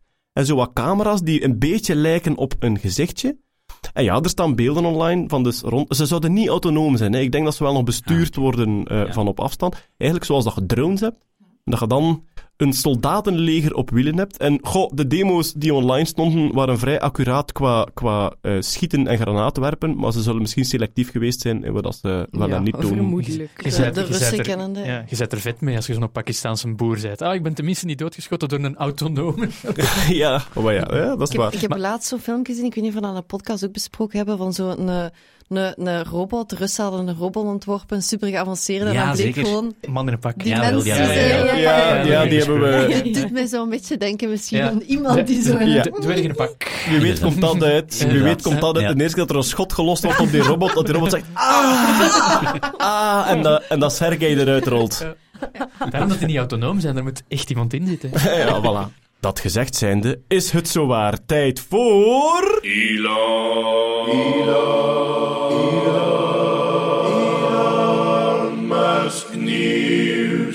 Relatief weinig Musk-nieuws. Relatief weinig Vandaag. nieuws, inderdaad. Eh, buiten het feit dat er een nieuwe Falcon Heavy lancering is, op 8 april om half 1 s'nachts, maar eh, ja, de podcast zal waarschijnlijk daarna uitkomen. Net iets minder dan drie maanden geleden. Eh, ja, eh, niemand van ons was aanwezig om een watchparty te doen, dus we gaan dat allemaal thuis op onze laptopjes eh, bekijken en we hopen van jullie hetzelfde. Eigenlijk zijn, eigenlijk zijn we allemaal klaar om dat te doen, maar wij zijn gewoon antisociaal. ja, ik, zit, eh, ik ben niet thuis, ik ben bezig. Dus, helaas. Ik heb ook mijn eerste Model 3 zien rijden in het wild in België. Wauw. Vond ik een tof momentje. Ja, eh, aan een kruispunt sloeg die links af. Dat is irrelevante informatie, maar ik heb ze nu toch Ja, knap dat die dat Meegegeven. kunnen. Toch ook. Respect. op het gemak, hè, Bart? In het wild, hij was de kudde kwijt. Ja, inderdaad. Het overleven op gevonden batterijen. Zo lithium-ion opzuigen op een straathoek. Er is een horde forts die zich ontfermd hebben. Er is blijkbaar ook, er was een aanpassing bij de online beschrijving van de self-driving toekomst van de Tesla. En blijkbaar zijn de verwachtingen vrij subtiel naar beneden gehaald. Dus het hele idee van uw Tesla kan alleen rondrijden als jij in je bed ligt, zou verdwenen zijn uit de beschrijving. Ze zijn daar blijkbaar eh, ja, iets realistischer in geworden. Want ja, dus het verhaal bij Tesla was altijd: alle hardware is aanwezig om volledig zelfrijdend te zijn. En als de software op punt staat, wordt dat gewoon geüpload naar uw auto en gaat hij dat kunnen. Maar eh, ja, er was veel sceptisch over. Musk-sceptisch, zo waar. En nu zijn ze toch, eh, allee, ja, zijn ze dat toch voor een stuk aan het terugschroeven. Er is ook een topman van Tesla weggekocht door Apple. Mo. Ja, een, een absoluut een topper die vooral aan de powertrain gewerkt heeft. Dus de powertrain, de volledige overbrenging van batterij naar motor naar de wielen.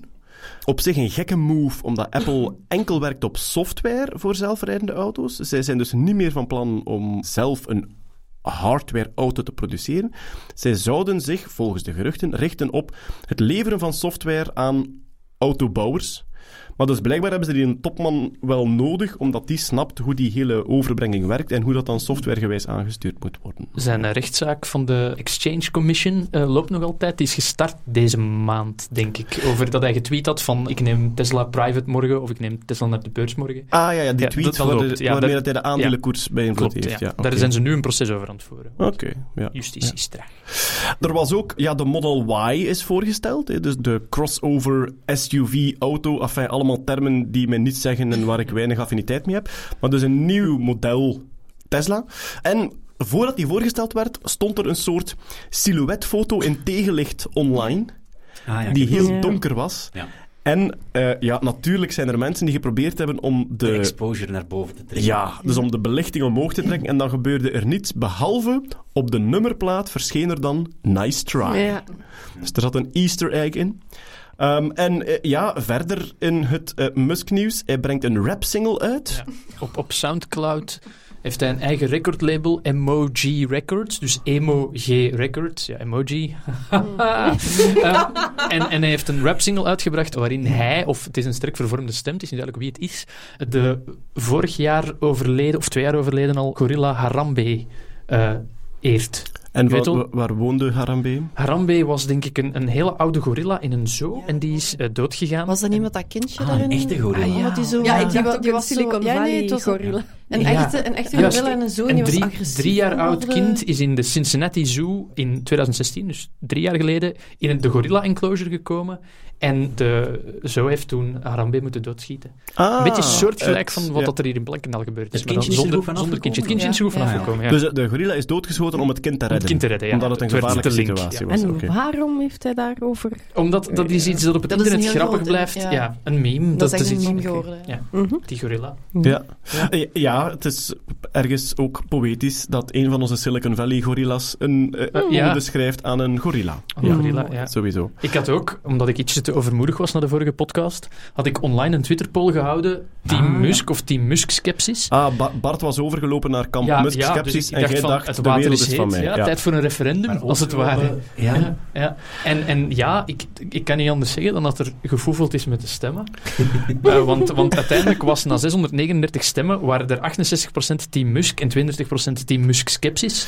Dat is procentueel meer dan hier aan tafel, meestal. Dat is, ja, dat is inderdaad. En dus, we moeten wel zeggen, jij hebt die poll gelanceerd op uw Twitter-account. Ja. Dus je zit al een beetje in uw eigen kringen Dat van is wel waar, Musk-sceptici. En in het begin van de poll won het skepsis Want het sceptisch, en dan heb jij hem geretweet. En dan, Voilà. dan, dan, ja. Ja. dan noem ik dus manipulatie. hè. Ik, zocht, maar- ik zocht een soort van bevestiging voor Oh, mezelf. dat is het versmelten van twee echo-bubbles. Ja, maar manipulatie is het moderne woord voor democratie. Dat is nu eenmaal hoe het Forum gaat. voor de manipulatie. Heeft gewonnen in Nederland. Ja. Oké, verder was er ook nog in het Tesla-nieuws. Een universiteit had ehm, iets ontwikkeld. Zij konden door hele kleine stickertjes op de weg te kleven, de self-driving software van Tesla, doen spookrijden. Dus waarover gaat het dan? Ja, die Tesla meet constant waar de wegmarkeringen liggen. En zij hebben dus stickers ontwikkeld die een heel krachtig signaal geven van hier ligt de wegmarkering. En door die dan gradueel te laten afwijken van de rijbaan, konden ze die Tesla de andere kant uitsturen. En op zich is dat natuurlijk een beetje... Enfin, ergens toonde aan van het is hackable, maar het is natuurlijk heel erg specifiek geëngineerd om één systeem de verkeerde kant op te sturen. Maar het past wel in iets wat je vaak ziet in onderzoek, het stresstesten van artificiële intelligentie. Er was onlangs was er een foto die online kwam van een panda.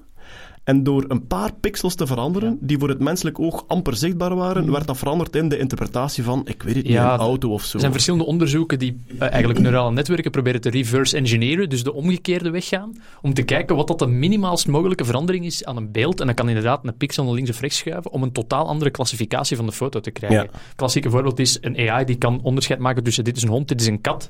Hoeveel moeten we aan die kat veranderen, omdat dat netwerk net Ja. hond noemt? Niet zo heel veel, blijkbaar. Niet zo heel veel, ja. dat is, weinig. dat is heel de geschiedenis natuurlijk. Ja, geschiedenis zeg ik, we, zitten, we, zitten, we staan nu aan de wieg van de machine learning, met alle kinderziektes die erbij komen.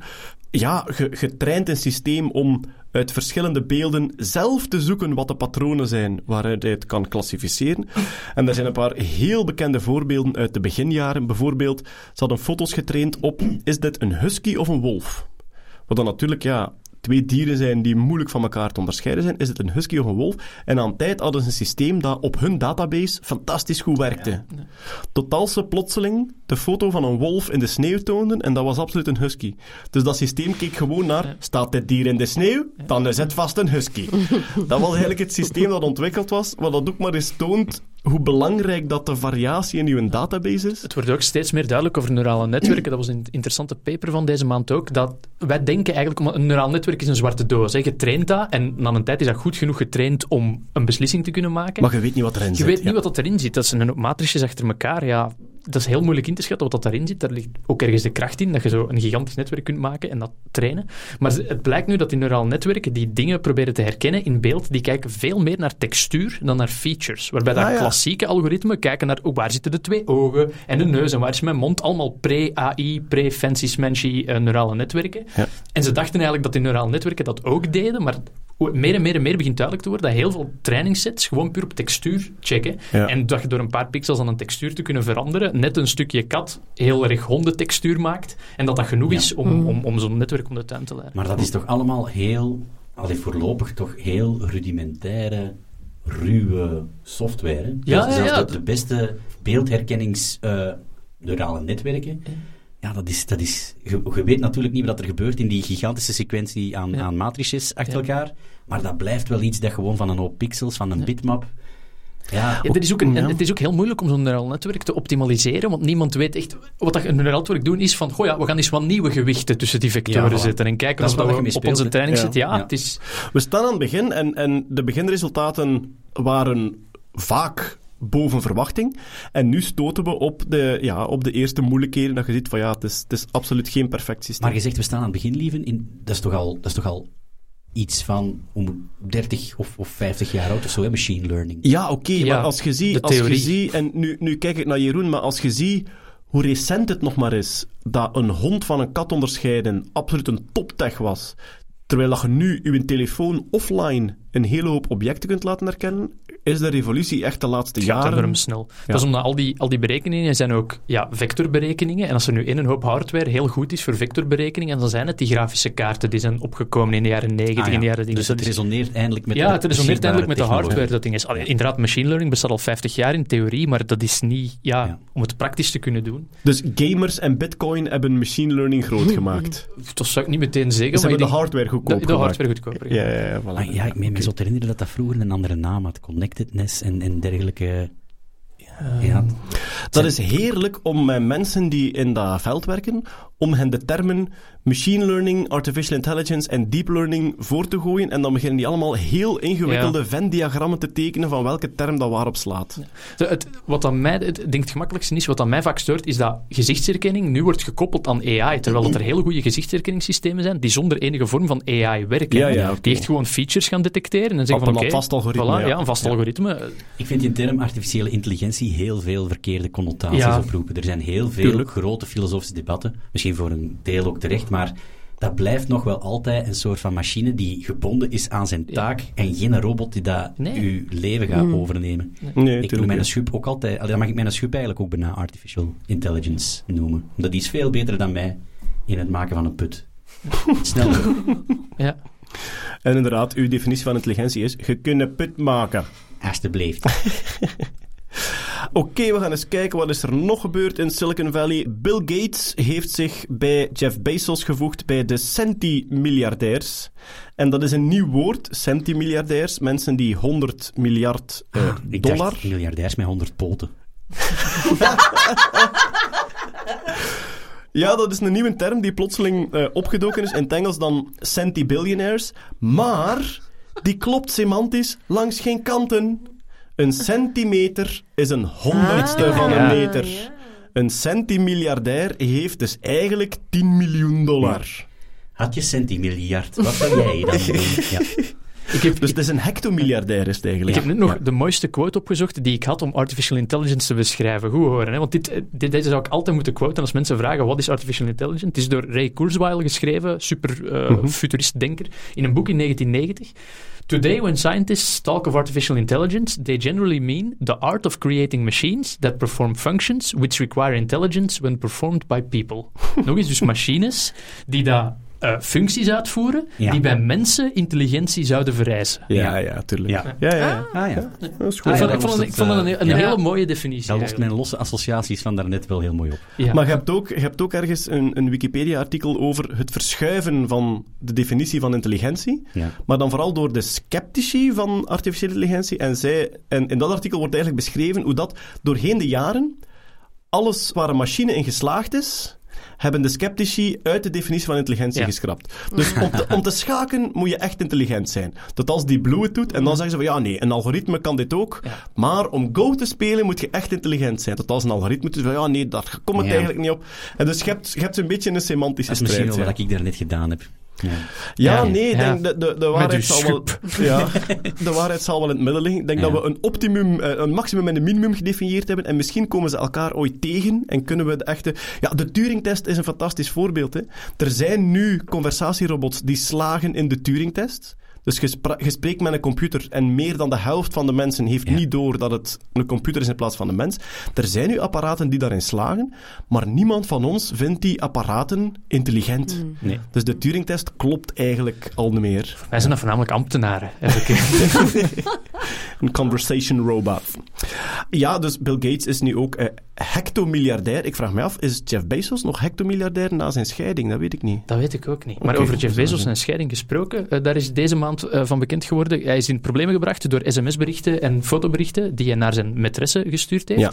En nu heeft Jeff Bezos zijn eigen onderzoek laten doen en zijn directives hebben uitgevlooid dat Saudi-Arabië, gewoon algemeen Saudi-Arabië, eh, zijn telefoon zou gehackt hebben en die berichten eh, gelekt hebben om, ja, om, om hem in een kwaad daglicht te stellen. Dus het, norm- eh, eerst werd er gezegd, het is de broer van zijn minnares. Ja. En nu is het, nee, nee, Nee, nee, het, is, een wereldmacht. Saudi-Arabië Oké, in het algemeen.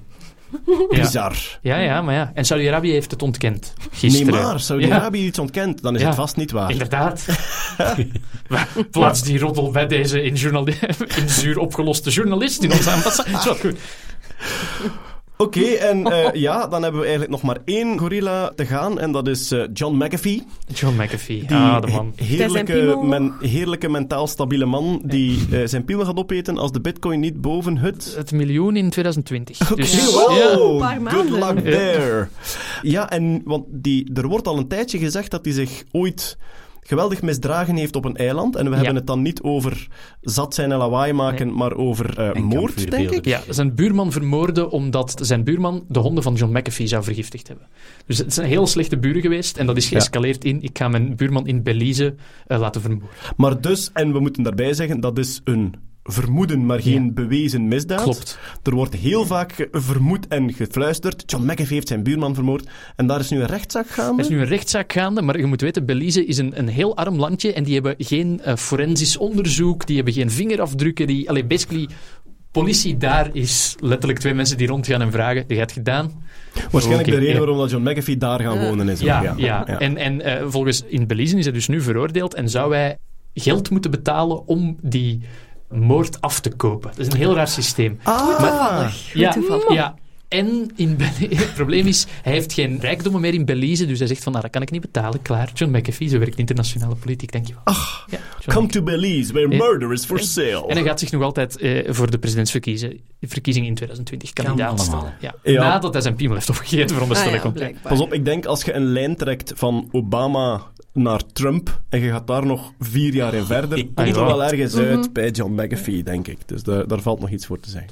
Voilà, dit was alles van Musk Ehm, News dit jaar. ja, eh, inderdaad, de gorillas. Ja, Facebook heeft weer, weer een kemel geschoten. Met, met, ze hadden voor het verificatie van sommige accounts, zeiden ze van, geef uw e-mailadres eens en het paswoord van uw mailbox ook, dat we weten dat jij het zei. Ah. Want als die twee kloppen, dan weten we dat jij een echte mens bent. Dus Facebook is, is, paswoorden van mailboxen beginnen Ah, maar verzamelen. dat kan nog niet. Jawel, iemand heeft dat daar goedgekeurd, met dit is een goede manier om mensen te verificeren. Maar dat was geen eh, spam. Nee, nee, nee, nee, nee. Dat, Dat, is, is Facebook... exact wat een phishing mail doet. Yep. Ja. Bizar. Zeer bizar. En ook eh, Facebook honcho eh, Zuckerberg zegt nu van ah ja, het is goed, reguleer ons. Wij kunnen het inderdaad niet meer aan. Ah, dat is juist, ja. Maar er zijn eh, Facebook-posts van Mark Zuckerberg tussen 2004 en 2012, waarin hij heel tegen government eh, inmenging was in Facebook. Die zijn mysterieus verwijderd van de server. Facebook kan die niet meer terugvinden. Facebook kan posts van Mark Zuckerberg, die zijn verloren Ja, gegaan. ze kunnen het niet aan. hè. Ze kunnen het niet aan, nee. Ja. Ja. Net zoals My, bewijs. MySpace is ook, denk ik, heel veel muziek kwijtgespeeld. 16 miljoen verschillende nummers die in de beginjaren naar MySpace zijn geüpload, zijn ze kwijt. Dus een hele hoop slechte muziek. Waar heb je ze laatst gezien? wel, wel. Oké, dat was alles van Musk Nieuws eh, deze maand. Dus eh, dat, viel, dat was een magere Amai, versie eigenlijk. Hè? Dat, was, dat was de light Ja. versie. Het is erg dat een maand waarin Elon Musk een rapsong uitbrengt met I Love Harambe over een meme van drie jaar geleden, dat we zeggen van, oh wel ja, hij is oké deze is maand. nog. Ja. Stilletjes. Stilletjes, ja. Ik, eh, eh, super, superkop van The Onion, die satirische website, zei ze Ja. van Tesla board just urges Elon Musk to buy a big chocolate factory. Dwergen inhuren, get it over with. Begin er gewoon aan, dan hebben Dat is dat toch ooit een, een belofte geweest, hè, Snoep? Ja, Snoop is inderdaad uit een belofte En dat is er niet geweest. van gekomen. Ah, ja. Fabriek, ja. Inderdaad, het lijkt wel alsof die man eh, er een soort van gigantisch ego heeft. En, en, ja, en dingen, dingen zegt die zijn, ja, oké. Ik heb net zijn biografie gelezen, Elon Musk, bij Ashley nog iets. En Ja. dat is boeiend en eye-opening. Je krijgt heel veel inzicht in inderdaad de psychologie en, en de drive. Maar het geeft ook een heel schoon zicht op de beginjaren van SpaceX, die echt qua, qua high-tech cowboys... SpaceX was in het begin gewoon een scoutskamp van topingenieurs op een eiland in de Stille Oceaan, waar dat zij de ene raket na de andere lieten ontploffen bij mislukte lanceringen. En die sliepen in een tent naast de raket, terwijl de gekko's over hen liepen. Dus daar dacht ik wel van, alright, goed, de tijden zijn Ja. veranderd. Maar enfin, ik vond eh, Was het een een, heel een, san- sanctioned autobiografie? Was het goedgekeurd door Musk, die biografie, of niet? Want dat Ehm, maakt meestal wel een verschil. Ik weet het. Het Ja. hele eerste hoofdstuk is de journalist die Musk probeert te overtuigen om het goed te keuren en Ah, daar ja. uiteindelijk in slaagt. En hij is absoluut, en dat moet ik er echt bij zeggen, hij is niet onkritisch. Ah, ja. Dus hij gaat er echt wel, en zeker werkomstandigheden en social skills, ja, legt hij wel de vinger op de wonden als zijnde, eh ja, kosten aan. Ja. Goed, dan ga ik als scepticus alleen het eerste hoofdstuk lezen. Voilà. Eens kijken, we hebben nog een paar korte nieuwsjes staan. Iets dat we denk ik ooit al besproken hebben in deze podcast, ik denk vorige maand zelfs. In Nederland hebben ze een onbekende soldaat geïdentificeerd met DNA.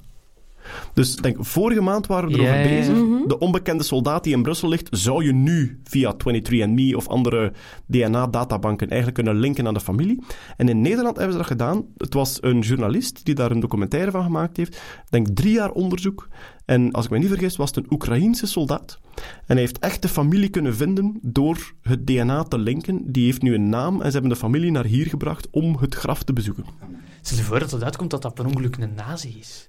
Dat je zo de verkeerde... Alhoewel, ik denk, het graf van de onbekende soldaat is voor alle soldaten. Ook de mensen die langs de dus symbolisch, verkeerde kant... Ja, ja. dat is waar. Dus zou nog niet zo erg zijn. Ja. Die is symbolisch voor alles. Ja. Ik denk toen ze het gebouwd hebben dat het niet Dat niet- voor de nee. onbekende Nee, nazi's nee. was. Dat denk ik niet. Daar Nee. waren ze toen niet zo rauwig om. Intussen nee. kunnen die betekenis daaraan geven. Maar, dus eventjes erbij zeggen, het identificeren van onbekende lichamen tot echt 50 jaar terug via DNA-databanken is zeer hot. In België is er een project dat onbekende lichamen die hier gevonden zijn in het land nu volop aan het identificeren is. En uiteraard ook oude misdaden die opgelost worden. Wat dat betreft kwam er nieuws, denk twee weken terug, dat ze Jack the Ripper zouden hebben geïdentificeerd. Weer al. Weer al, ja. En wel, dus ze zouden Jack the Ripper hebben geïdentificeerd op basis van zijn DNA. Dat ge- een, een bloedvlek die gevonden was op een sjaal na een moord. Ik moet er wel bij zeggen, er stond in een artikel dat ze gewerkt hebben met mitochondraal DNA. En het zou gaan om een kapper die ook al een tijdje op de verdenkinglijst Ja. stond. En die ook in die wijk Whitechapel in Londen woonde. Ja. De, de donkere, natte steegjes die je daarbij voorstelt. Aaron Kosminski was inderdaad een Poolse kapper die op de juiste plaats woonde, die al een tijdje ook in verdenking gesteld was.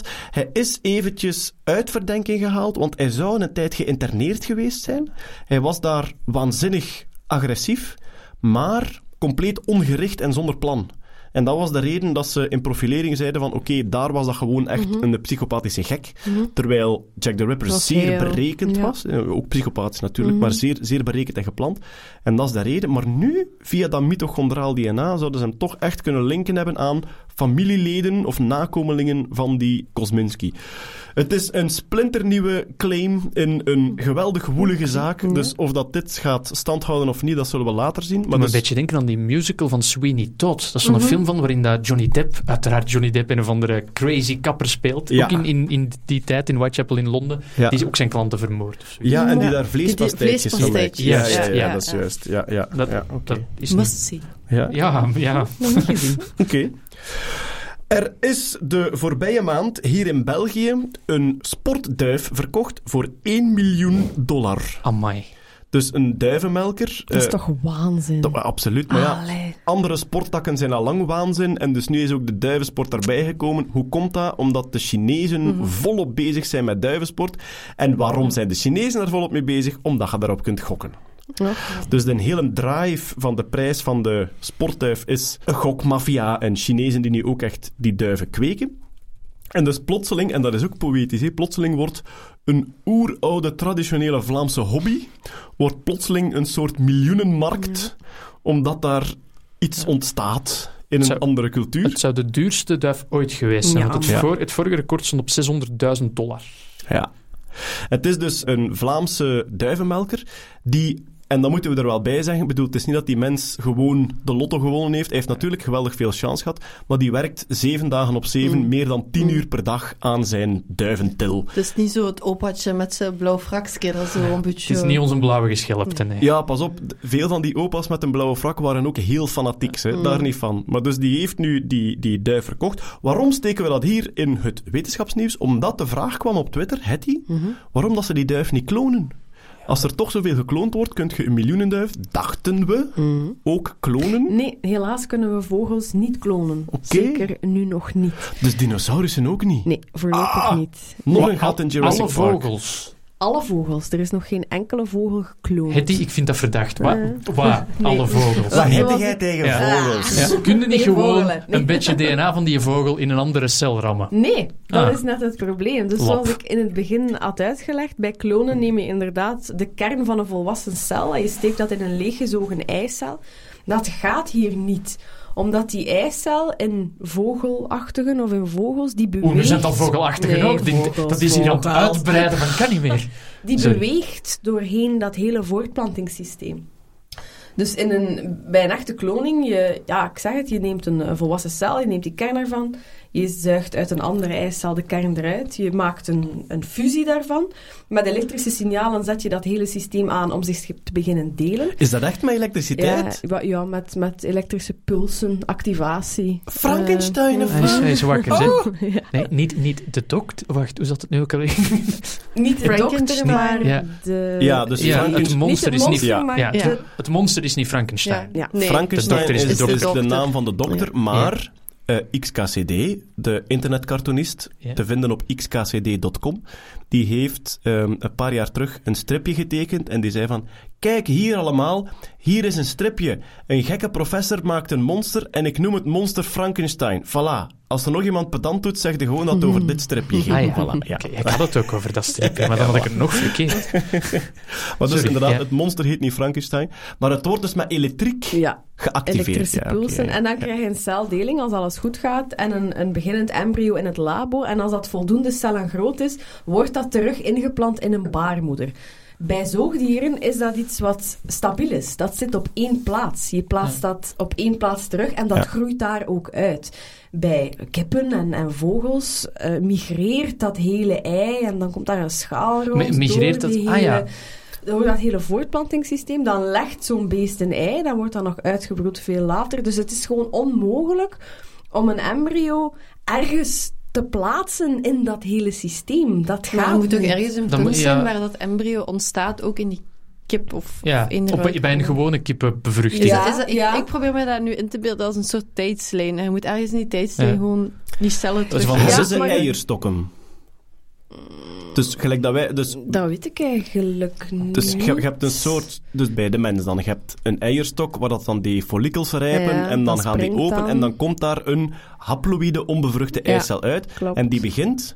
Op een bepaald moment Bij wordt die ook, bevrucht. Ja.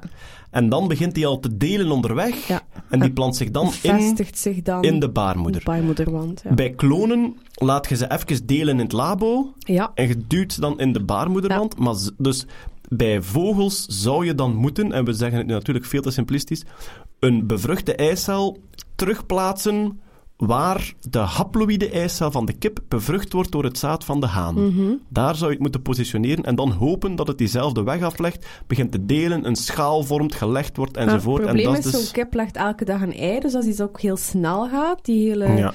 Doorvoer Ja. daarvan. En kippen kunnen ook nog zwanger raken, ik denk dagen tot weken nadat ze gepaard hebben Hm. met een haan, omdat dat sperma gelijk welk ei dan kan bevruchten. Dus het, het heeft daar iets mee te maken. Kippen hebben eierstokken. Oké. En mijn Google Ja. zoekgeschiedenis is om zeep nu. Weer al. Telkens als ik terugkom van de podcast, is dat van ja, wis.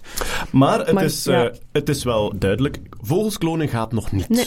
Oké. Nee. Wel een leuk detail. De duif had als naam Armando, Mhm. de, de, de, de dure duif. En hij wordt hier beschreven als de Lewis Hamilton van de raceduiven. dus doe met dat beeld wat dat je En wilt. waar zijn die dure duiven heel goed in? En heel snel een weg naar huis terug. Natuurlijk, Ja. ja. duivenracen. Hè. Dus, Gelijk eh, Lewis Hamilton, hè. Je zit hier ergens op een racebaan en die, die is naar huis. Die er zeker al een paar keer... Die heeft er zeker al een paar keer gewonnen op Barcelona. De duif, de mijn duiven hebben gewonnen op Barcelona. Barcelona, Ja, dat, maar dat is- ja. ja, dus dat gebeurt nog. Ja, er gaan dus echt ja. manden vol sportduiven met vrachtwagens naar Barcelona, worden daar losgelaten. En de eerste die thuis heeft, die krijgt nu een beker. Voilà. En daar wordt dus op gegokt, blijkbaar. Maar niet eh, iedereen woont toch op een gelijke... Allee, als je in Wallonië woont, is dat toch gemakkelijker voor je duif? Ah, natuurlijk, maar ik denk dat daar, denk Ah, dat dat zal ingerekend rekening, worden, ja. ik denk dat daar wel rekening mee gehouden wordt. Of dat je Ah, maar binnen een gebied mag wonen om te mogen ah. meedoen. Of zal die duif verschillende steden moeten aandoen? Ja. Een tra- traveling sales duif. Ik denk dat we moeten... Naar reden. Ja. Zoals duif trainen om dat nummer van Sam Goris af te gaan. We gaan een, duivenwedstrijd doen Ja. met het nummer Ambiance Ambiance van Sam Goris. Of wat dat wij kunnen doen, dat is starten met de ameubenreis wel. Hoe snel kan uw ameube zich over 2 mm verplaatsen? En vorig jaar op Sound of Science was er een slakkenrace. Ah, Ja, Dus ja, er ja. is een man die rondliep met het eh, Ja. bord met, en je kon geld inzetten. Welke slag Ja. gaat er het eerst? Tof. Gokkende kinderen. Ja. Zo'n dollars gooien. Dat is dan wetenschap. Hè. Ja, ja, voilà. ja, ja. Zeg, Jeroen, er is in de Europese Commissie een beetje gestemd en een beetje gerommel geweest over het zogenaamde artikel 13 en 11, denk Ja. ik. Ja, En dat gaat over heel die copyright. Copyright, En ja. de bijnaam is de meme-wetten. Ja, de meme-wet. Waar dat het over gaat is, ehm, het internet is opgekomen en voor het internet hadden we auteursrecht en nu met het internet willen we ook auteursrecht dat een beetje aan de moderne situatie is aangepast. Ja. Nu, er is een hele hoop maatregelen, niet allemaal slecht trouwens, in zo'n gigantisch pakket voorgedragen aan de Europese Commissie. Daar moest over gestemd worden deze maand en er waren twee artikels die echt een probleem waren. Bijvoorbeeld Ja. artikel 11, dat is de linktax. Daarbij zou het, eh, moet je ervoor zorgen dat als je linkt naar een site, als je nu bijvoorbeeld linkt naar een krantenwebsite op Twitter of op Facebook, wordt er een klein deeltje van de titel en van de eerste paragraaf van het artikel overgenomen. Getoond als preview. ja, preview, oké, ja. Ja. De krantenwebsites zeggen van, ah, dat is niet eerlijk, want dan verdient Facebook of Twitter verdienen die views met onze content eigenlijk. Dus volgens de linktax mocht je, maar het is zo vaag gedefinieerd, mocht je een maximum aantal woorden overnemen uit het artikel waar je naar linkt. Maar het maximum aantal woorden kan één of vijf of twee zijn. En wie beslist dat? Wel, elk land mag dat nu op zichzelf beslissen. Oh, heerlijk Ja. Europa! Ja, inderdaad. Dat is het, eigenlijk het probleem met al die reguleringen dat ze willen doorvoeren. Het is een directive, dus Europa die zegt van, goh ja, wij zouden het goed vinden als je het zo een beetje doet. Ja. Maar je kunt je voorstellen dat Nederland zoiets heel anders gaat interpreteren als Hongarije, of weet ik veel wat, Mhm. snap je? En dan het grote probleem is artikel 13, dat gaat over copyright en is vooral gericht tegen YouTube, Facebook. Als er nu iets copyright beschermd op YouTube komt, bijvoorbeeld een volledige film van de Avengers, je plaatst die daarop, pas na de feiten, pas na het feit dat die erop staat, die kan daar 10 seconden op staan, een half uur, een uur, moet YouTube die verwijderen. Ja?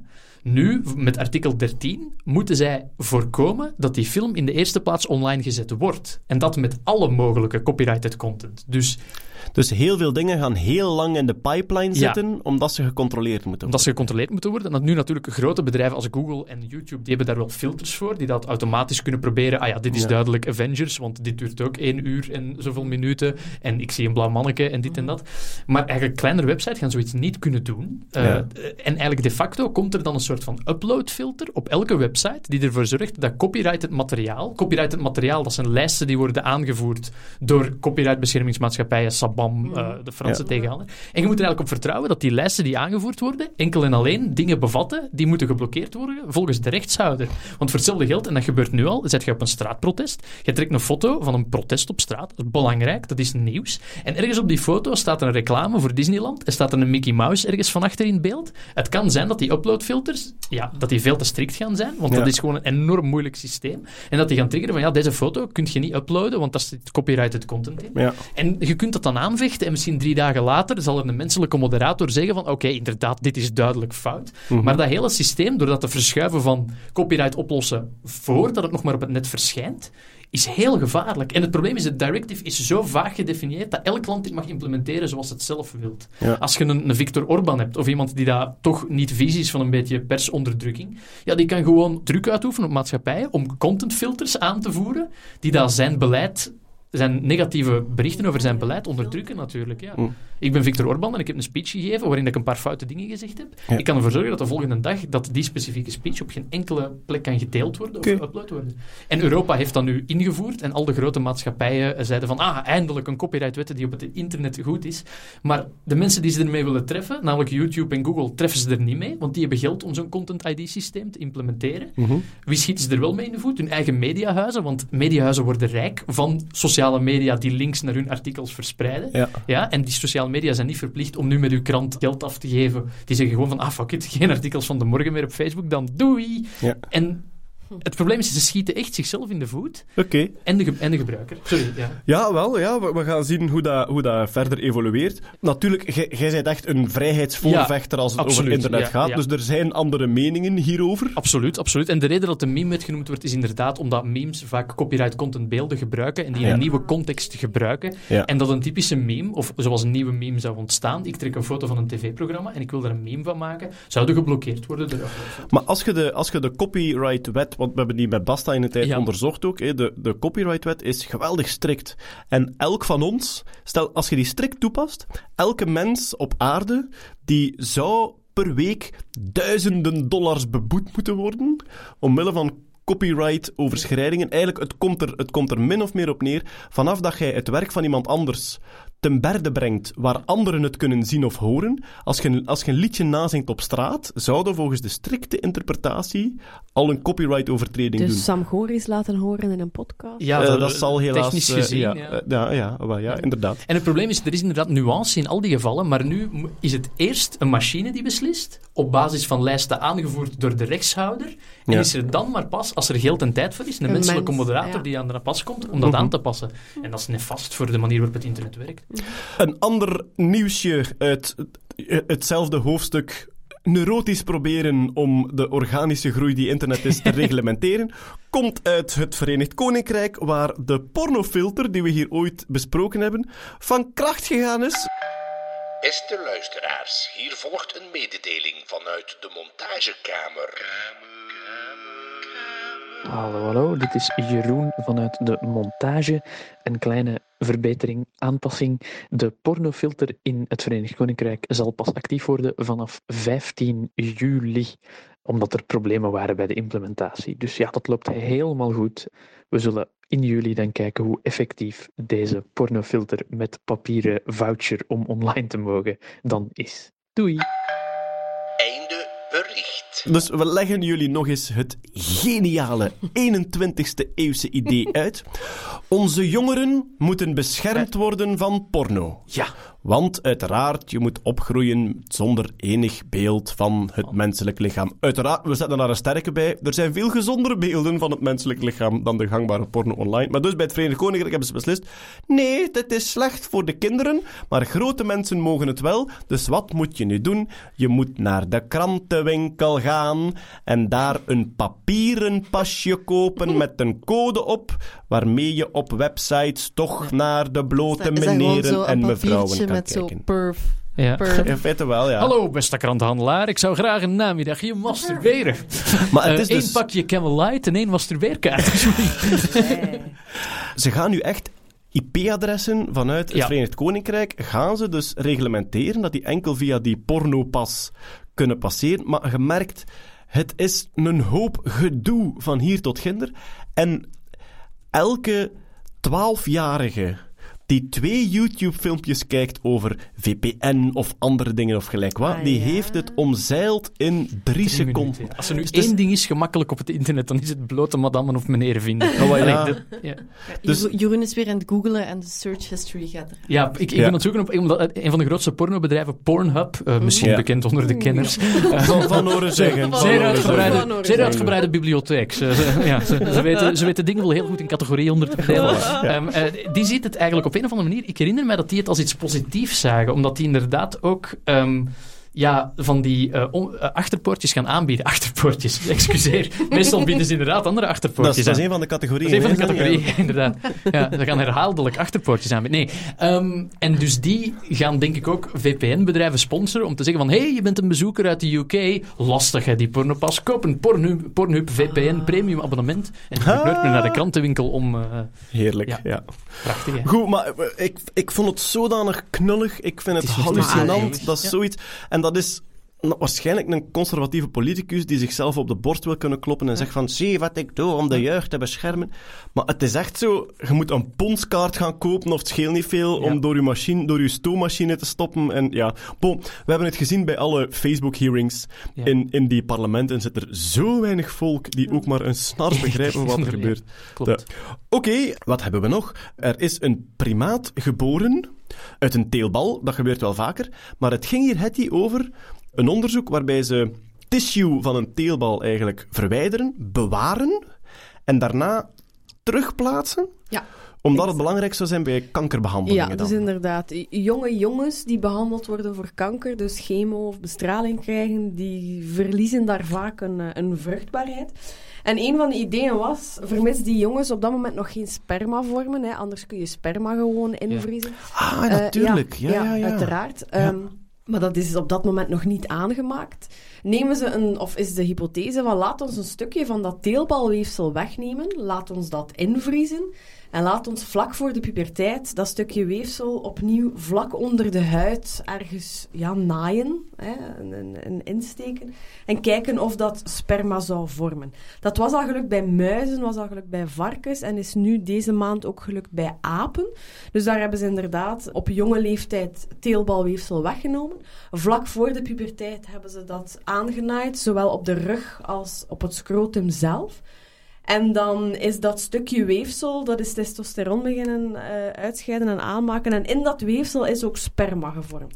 Wauw. Nu, dat zat natuurlijk niet ejaculatie klaar, hè, dus ze moeten dat Niet opnieuw... op de juiste plek, opnieuw- ja. Nee, ze moeten dat opnieuw oogsten, dus ze moeten dat stukje weefsel opnieuw verwijderen. En daar isoleren ze dan sperma uit. En nu is daar effectief een levende geboren makaak uit verwekt. Sorry, we hebben het over sperma-oogsten en ik ben nu aan die dingen aan het denken, wie wint zaait? Zo, nee. Maar wacht, even, het gaat dus over Wie zaadzaait, ja. scrotumvlees. Mhm.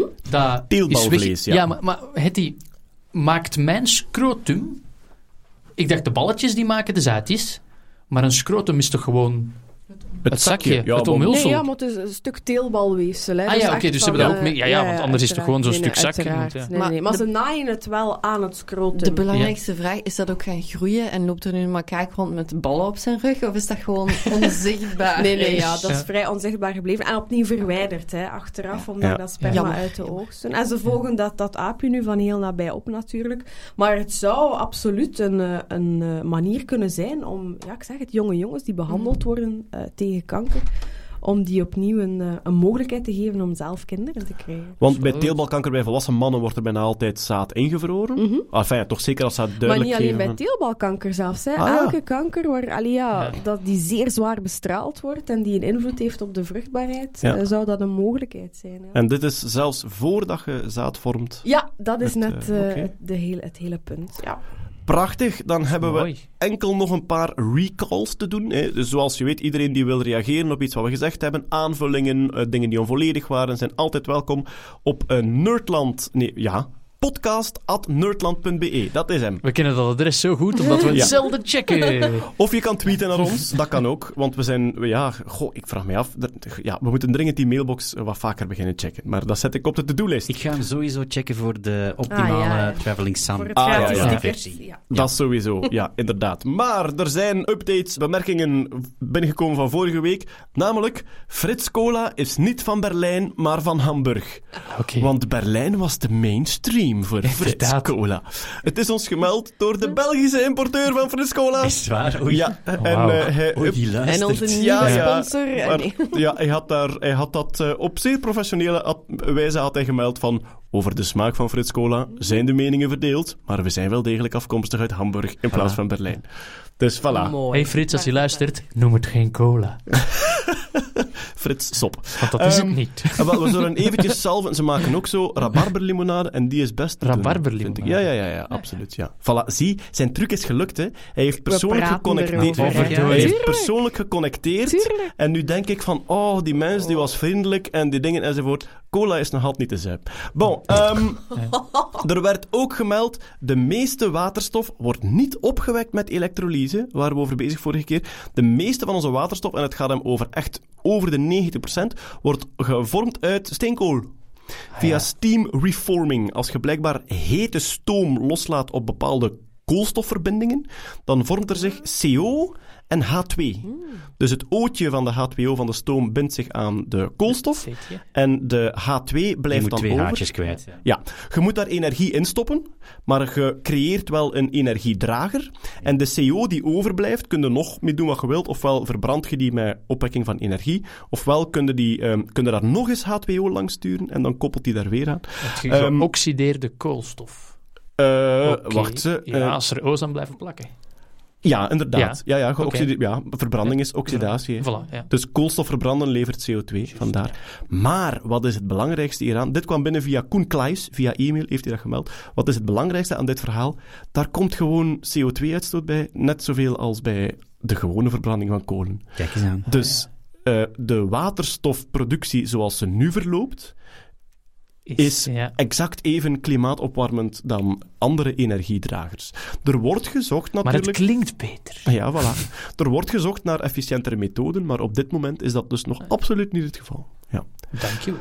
Voilà, inderdaad. Dankjewel, Koen Klaes. Wij hadden vorige keer gezegd kernfusie bij duizenden graden, zoals aan het oppervlakte van de zon. Het is veel meer, veel meer. Ja, inderdaad. veel dat eh, is ons gemeld door Meerkat op Twitter. Meer kat. Ettelijke, Meerkat. ettelijke decigraden zelfs. Het, is, eh, Hec- Hectograden. het zijn miljoenen graden. Ja. Je hebt miljoenen graden nodig. De reden waarom dat ik er compleet naast was, is ik ging af op de oppervlakte, op eh, de temperatuur van de Ah, oppervlakte van de zon. Ah, ja. En daar gebeurt die fusie niet. Ja. Die gebeurt veel dieper van binnen en komt dan naar buiten. En trouwens, het is ook de logica zelf. Mocht dat gebeuren bij duizenden graden, dan zou je bij hele felle verhitting van metalen bijvoorbeeld, zou je daar kernfusie in krijgen. En dat lijkt mij een slecht plan voor de staalfabriek. Oh wel, die gaan niet tot 15.000 graden gaan, denk ik. Als dat wel zo is, stuur ons een e-mail. Nee, Dan weten we dat ook.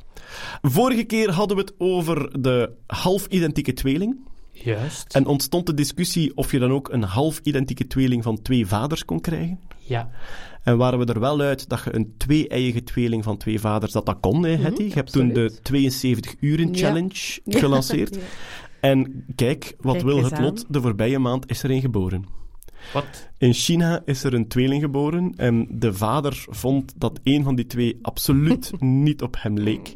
Die is getest en dat is effectief een tweeling van twee vaders. Dus die vrouw heeft binnen 72 uur... Ja. Dat is een juiste berekening. Ik wil ze niet... Alleen, ik, dat is Ja. niet shaming, hè. Dat is gewoon... Dat, Cool. Ja, Ja, ja. Als Wat- je echt niet kunt ja. kiezen, dan... Wat Ja. dat betreft, allee, ik, ik merk steeds vaker, ik sta gelukkig en naïef in het leven. Ik denk dat er wel meer mensen zijn die Ah. binnen de 72 uur eh, verschillende bedpartners hebben. Maar je hebt daar toch ja. zo van die plaatsen waar dat mensen echt in hele kleine compartimentjes bij elkaar wonen. Daar is dat niet zo moeilijk, denk ik. Heb je het over dark rooms? Of de... De- Die zijn behoorlijk Dat je per ongeluk... Ah ja. Dat per ongeluk is. Of ben ik nu eigenlijk gewoon zo heel clichématig scènes uit, eh uit Japanse anime-films het ben eens er een octopus bij, Bart. Dat is een hint. Tegen het einde, ja. En dan onze laatste recall. We hadden het vorige keer over plasma dat gevormd werd door de pistoolgarnaal. Kijk. Nat, had jij dat toen gezegd? Dat is effectief plasma. Ik dacht dat dat gewoon een zware schokgolf was. Maar dus er ontstaat echt heel kort plasma, dus waar de elektronen loskomen van de atoom- en molecuulkernen.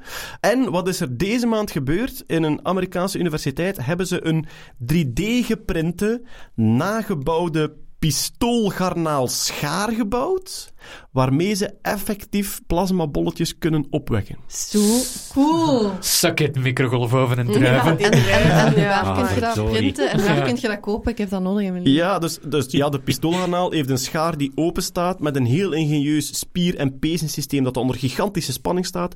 Als ze die lossen, dan klapt die samen met een zodanige snelheid dat er eerst een vacuüm ontstaat waarin dat er dan waterdamp komt. Dat en wordt ook keihard verhit, zo, dat Wel, water daar rond. Die belletjes imploderen terug en daarin krijg je een lichtflitsje van Ja. plasma Ja. en een schokgolf van, er stond 300 decibel, wat eigenlijk gigantisch is. Wat? Het zou zelfs storingen kunnen geven op de sonar van onderzeeërs die in de En buurt het is een zijn. super, super klein diertje, Maar puur mechanisch Wacht, systeem. 300 Ja. decibel. Dat is, wacht, een opstijgende straaljager is 130, 140. Ja.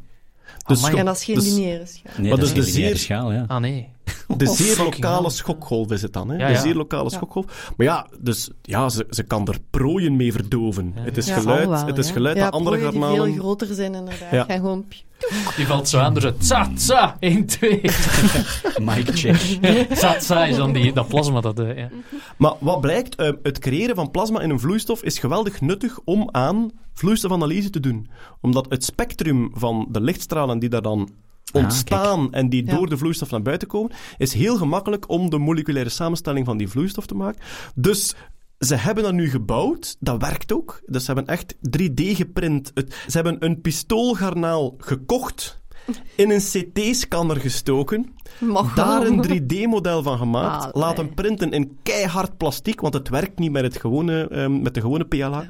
En dan een hele opstelling gemaakt met zware elastieken, dat dat klein schaartje dus opgespannen wordt met zo'n zware hendel.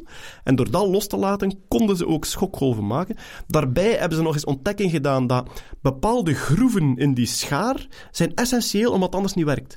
Dus daar zit een soort hele hoge druk aquadynamica in, die ze dus zelfs nog niet volledig snappen, die ze nagebouwd hebben. En ze kunnen dat nu gebruiken om vloeistofanalyse te doen. Damn nature, Maar dat, dat, dat lijkt zo een onderzoek dat... Allee, het is nu goed afgelopen en ze hebben resultaten, Nee, nee, maar maar is het ook goed afgelopen voor die shrimp? Ja, dat lijkt me zo'n onderzoek dat als je op het einde van een onder- onderzoek bent en er komt niks uit, dat er iemand zo binnenkomt en zegt van en wat heb de Gulle precies gedaan?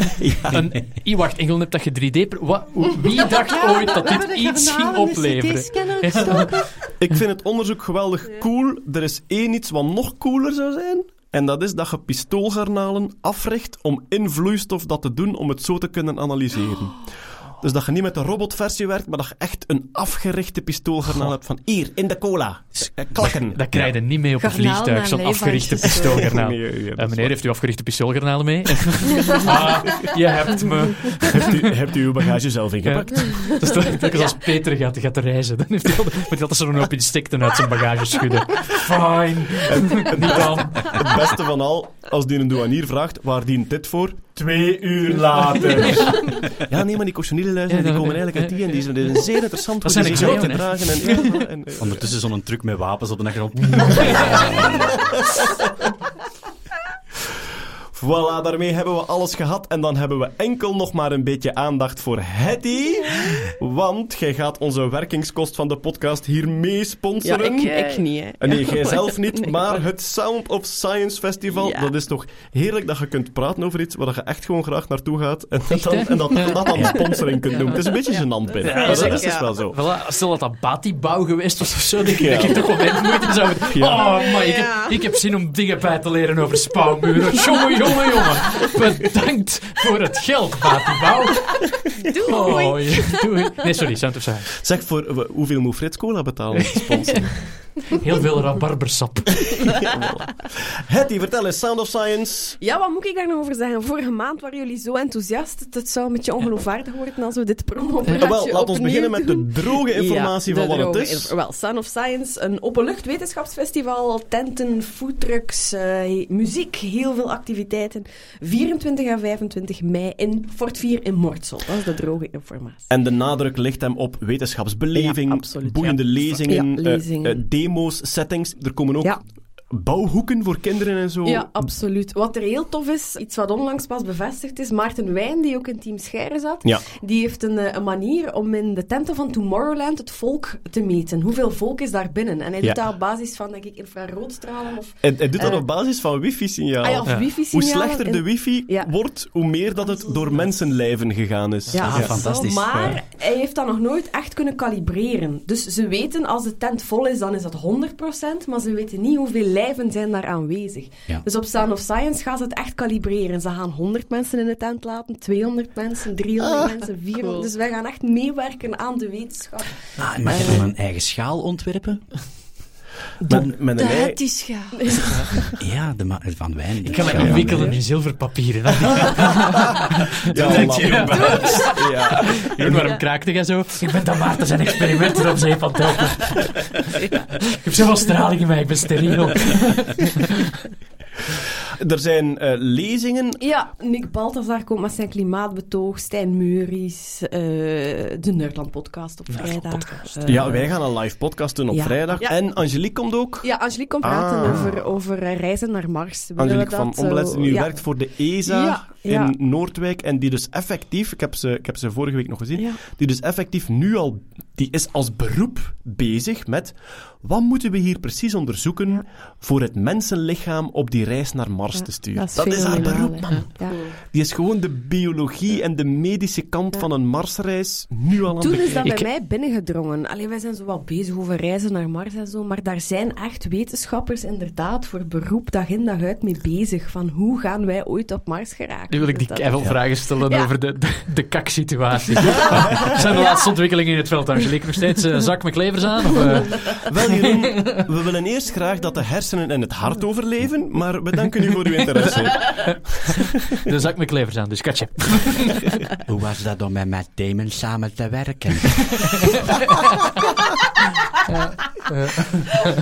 Eh, komen er ook buitenlandse sprekers? Eh, ja, John Collins komt, hebben we vorige keer gemaakt. Ja. Dat is de Super de vliegertjesman. Airplane Dat is een man die echt fantastische Ja. dingen doet. Met de Maak niet de vergissing die ik gemaakt heb, en dat is hem al online op te zoeken. Want volgens mij is het leuker als je het live voor de eerste keer een entertainer. Echt, hè. ja, een hele, Hij legt leuke uit man. wat de fysica is achter een goed Ja. papieren vliegtuig. Hij doet, hij, hij doet dingen met papieren vliegtuigjes, is echt ongelooflijk. En een Nederlander ook, een Ig Nobelprijswinnaar. Die komt, Oh. eh, Ah, zijn? Ja, Mark Dingemansen.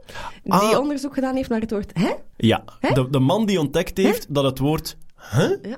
voorkomt in elke taal ter wereld en overal hetzelfde betekent. Echt waar? Dus als je op een onbewoond eiland komt en iemand zegt u iets van een totaal andere jager-verzamelaarcultuur en je verstaat hem niet en je zegt huh? dan weet hij wat je bedoelt. Ah ja, dus dat wil niet zeggen, snapt hem?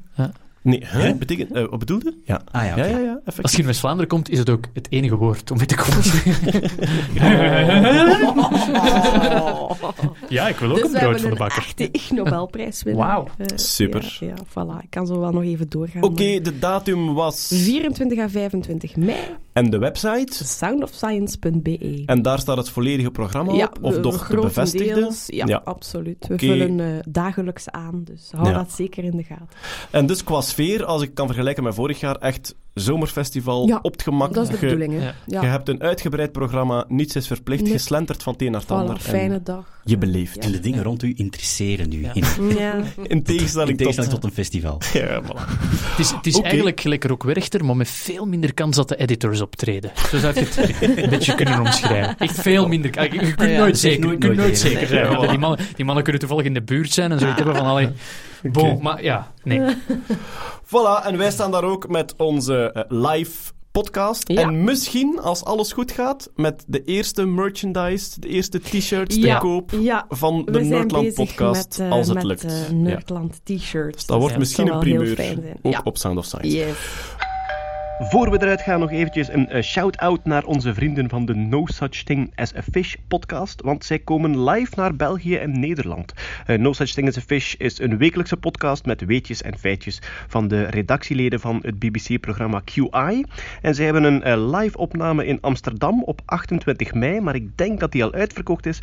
Er zijn wel nog tickets voor de opname in Antwerpen op eh, 4 juni, dus wie weet zien we jullie daar. Wij danken iedereen voor het luisteren tot hier. En natuurlijk ook bedankt Jerobar, Yay. Nata Kerkhoff, Ajustus. Bart van Peer, Dank aan jullie. Hetty Met Helsmoortel veel plezier. en aan de geluidsknoppen Els Aert. Tot de volgende keer. Dag. Tot ziens.